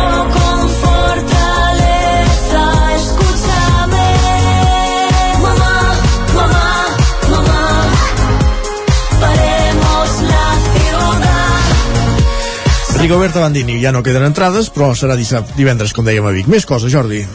Més coses, qui s'hagi quedat sense entrades de la Rico Bandini però vulgui sentir música i a més a més amb veu de dona, també té una altra opció que és anar a la mateixa hora i al mateix dia el divendres a les 8 del vespre al Teatre Eliseu de Roda on actua Mayo. Qui és Mayo? Mayo és un projecte musical de la Mayo Serra Solses que eh, associ associarem amb la Júlia Serra Solses de Ginestar, són germanes. Ah. De fet, totes dues van començar aquest projecte musical eh, que, que de fet és compartit entre les dues eh? I, i el que passa és que porta el nom d'una però, però el projecte es diu Aquelarre és compartit entre les dues cantants eh, i músiques que eh, el presentaran doncs, en el Teatre Eliseu de Roda el mateix divendres a les 8 del vespre. Per tant, dues propostes musicals el divendres, a la mateixa hora, uh -huh. i en tenim encara una tercera, una mica més tard, que serà a la Jazz Cava, que hi actuarà en Pau, en Pau Pratso. En Pau Pratso és en Pau Prat sobre Roca, que és el seu cognom sencer, eh, que va treure un disc, un EP, ja fa uns mesos, que es diu Mala Bufa, amb doble lectura possible, eh, mala bufa, mala bufa, eh, acompanyat... Està escrit en va, eh, per això val a dir-ho. Està escrit en va, sí, sí, està escrit en va i junt. O sigui, Exacte. mala i bufa.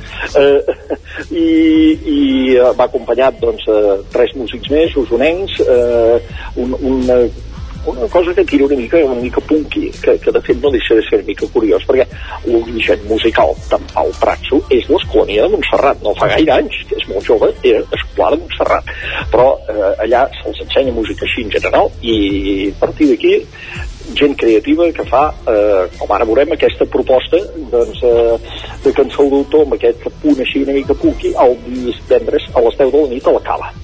Eh, I perseguim la música digues. sentim música de fons aquí Sí, una de les cançons d'en Pau Pratso, d'en Pau Pratso, però continuem amb més música, deies. Tot cas, a la, a la recta final de la secció acabarem musicat, amb musicat, si cal.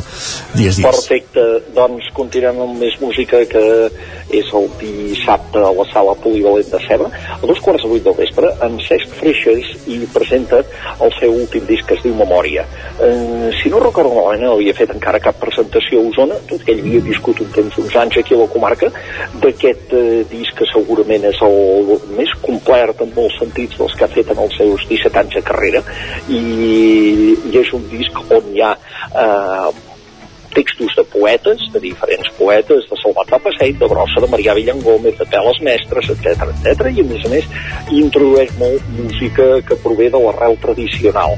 Eh, i, i, i per tant doncs és molt interessant veure aquest nou, aquesta nova evolució en Cesc no, no ha parat amb cada sense sortir doncs el que és la cançó d'autor en cada treball que ha fet d'anar evolucionant i d'anar fent coses diferents. I ara és una bona opció doncs, per poder, per poder veure aquesta seva última aportació el dissabte dos quarts de vuit del vespre a la, a la polivalent de Ceba El lloc més gran per retrobar-te, que tinc més besos que paraules.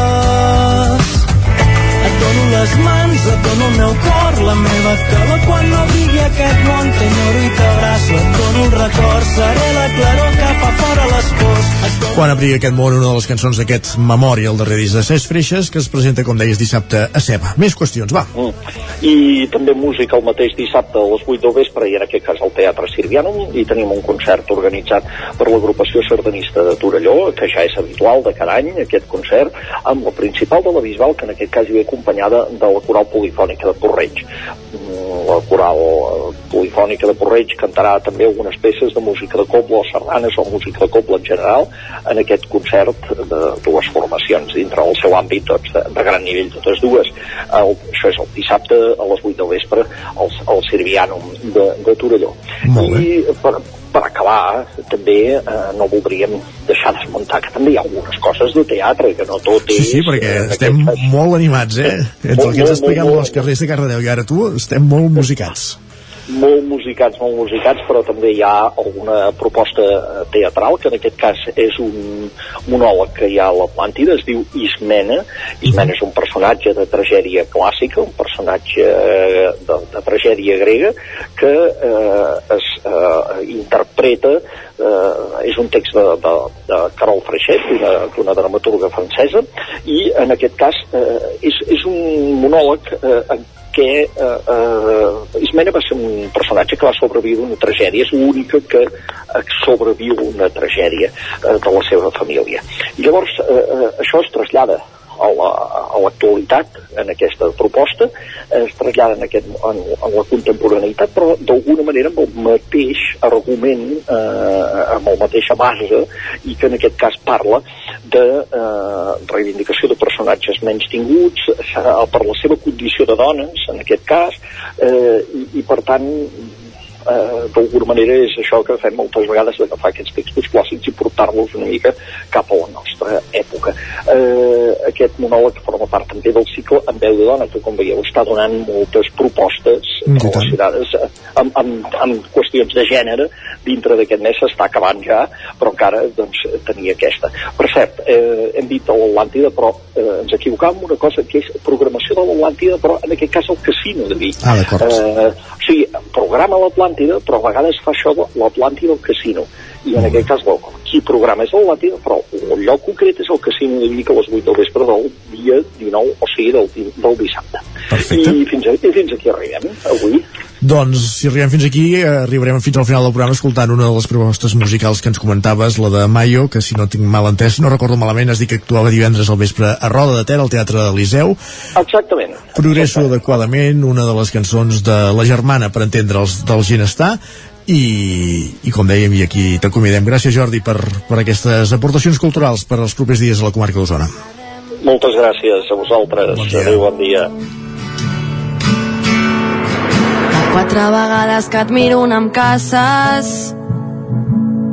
No guanyes, no perdo, no sumo, no res, tu somrius i jo et pesco amb els dits.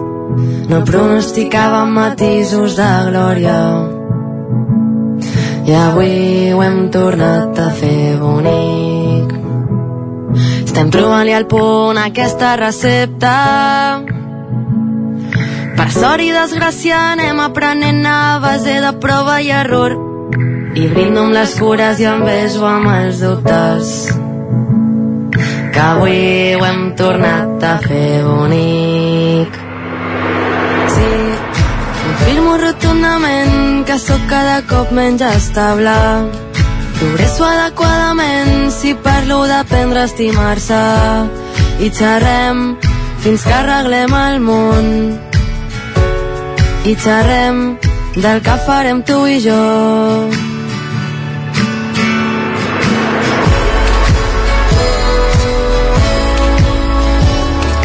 Doncs amb la música de Mayo acaba avui el Territori 17.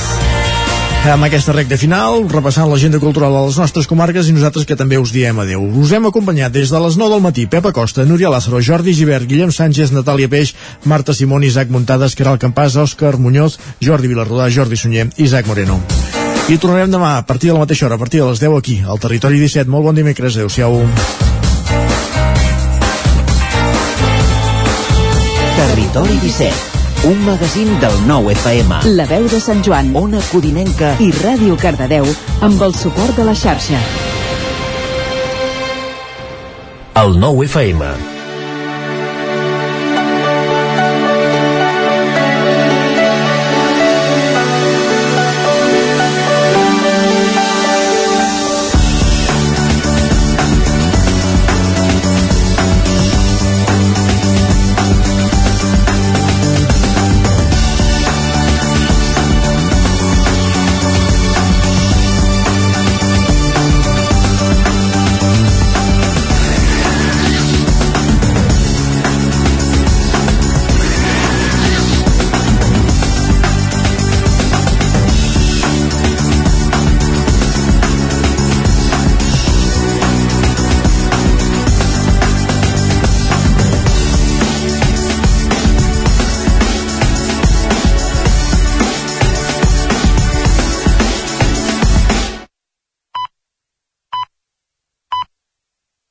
El nou FM.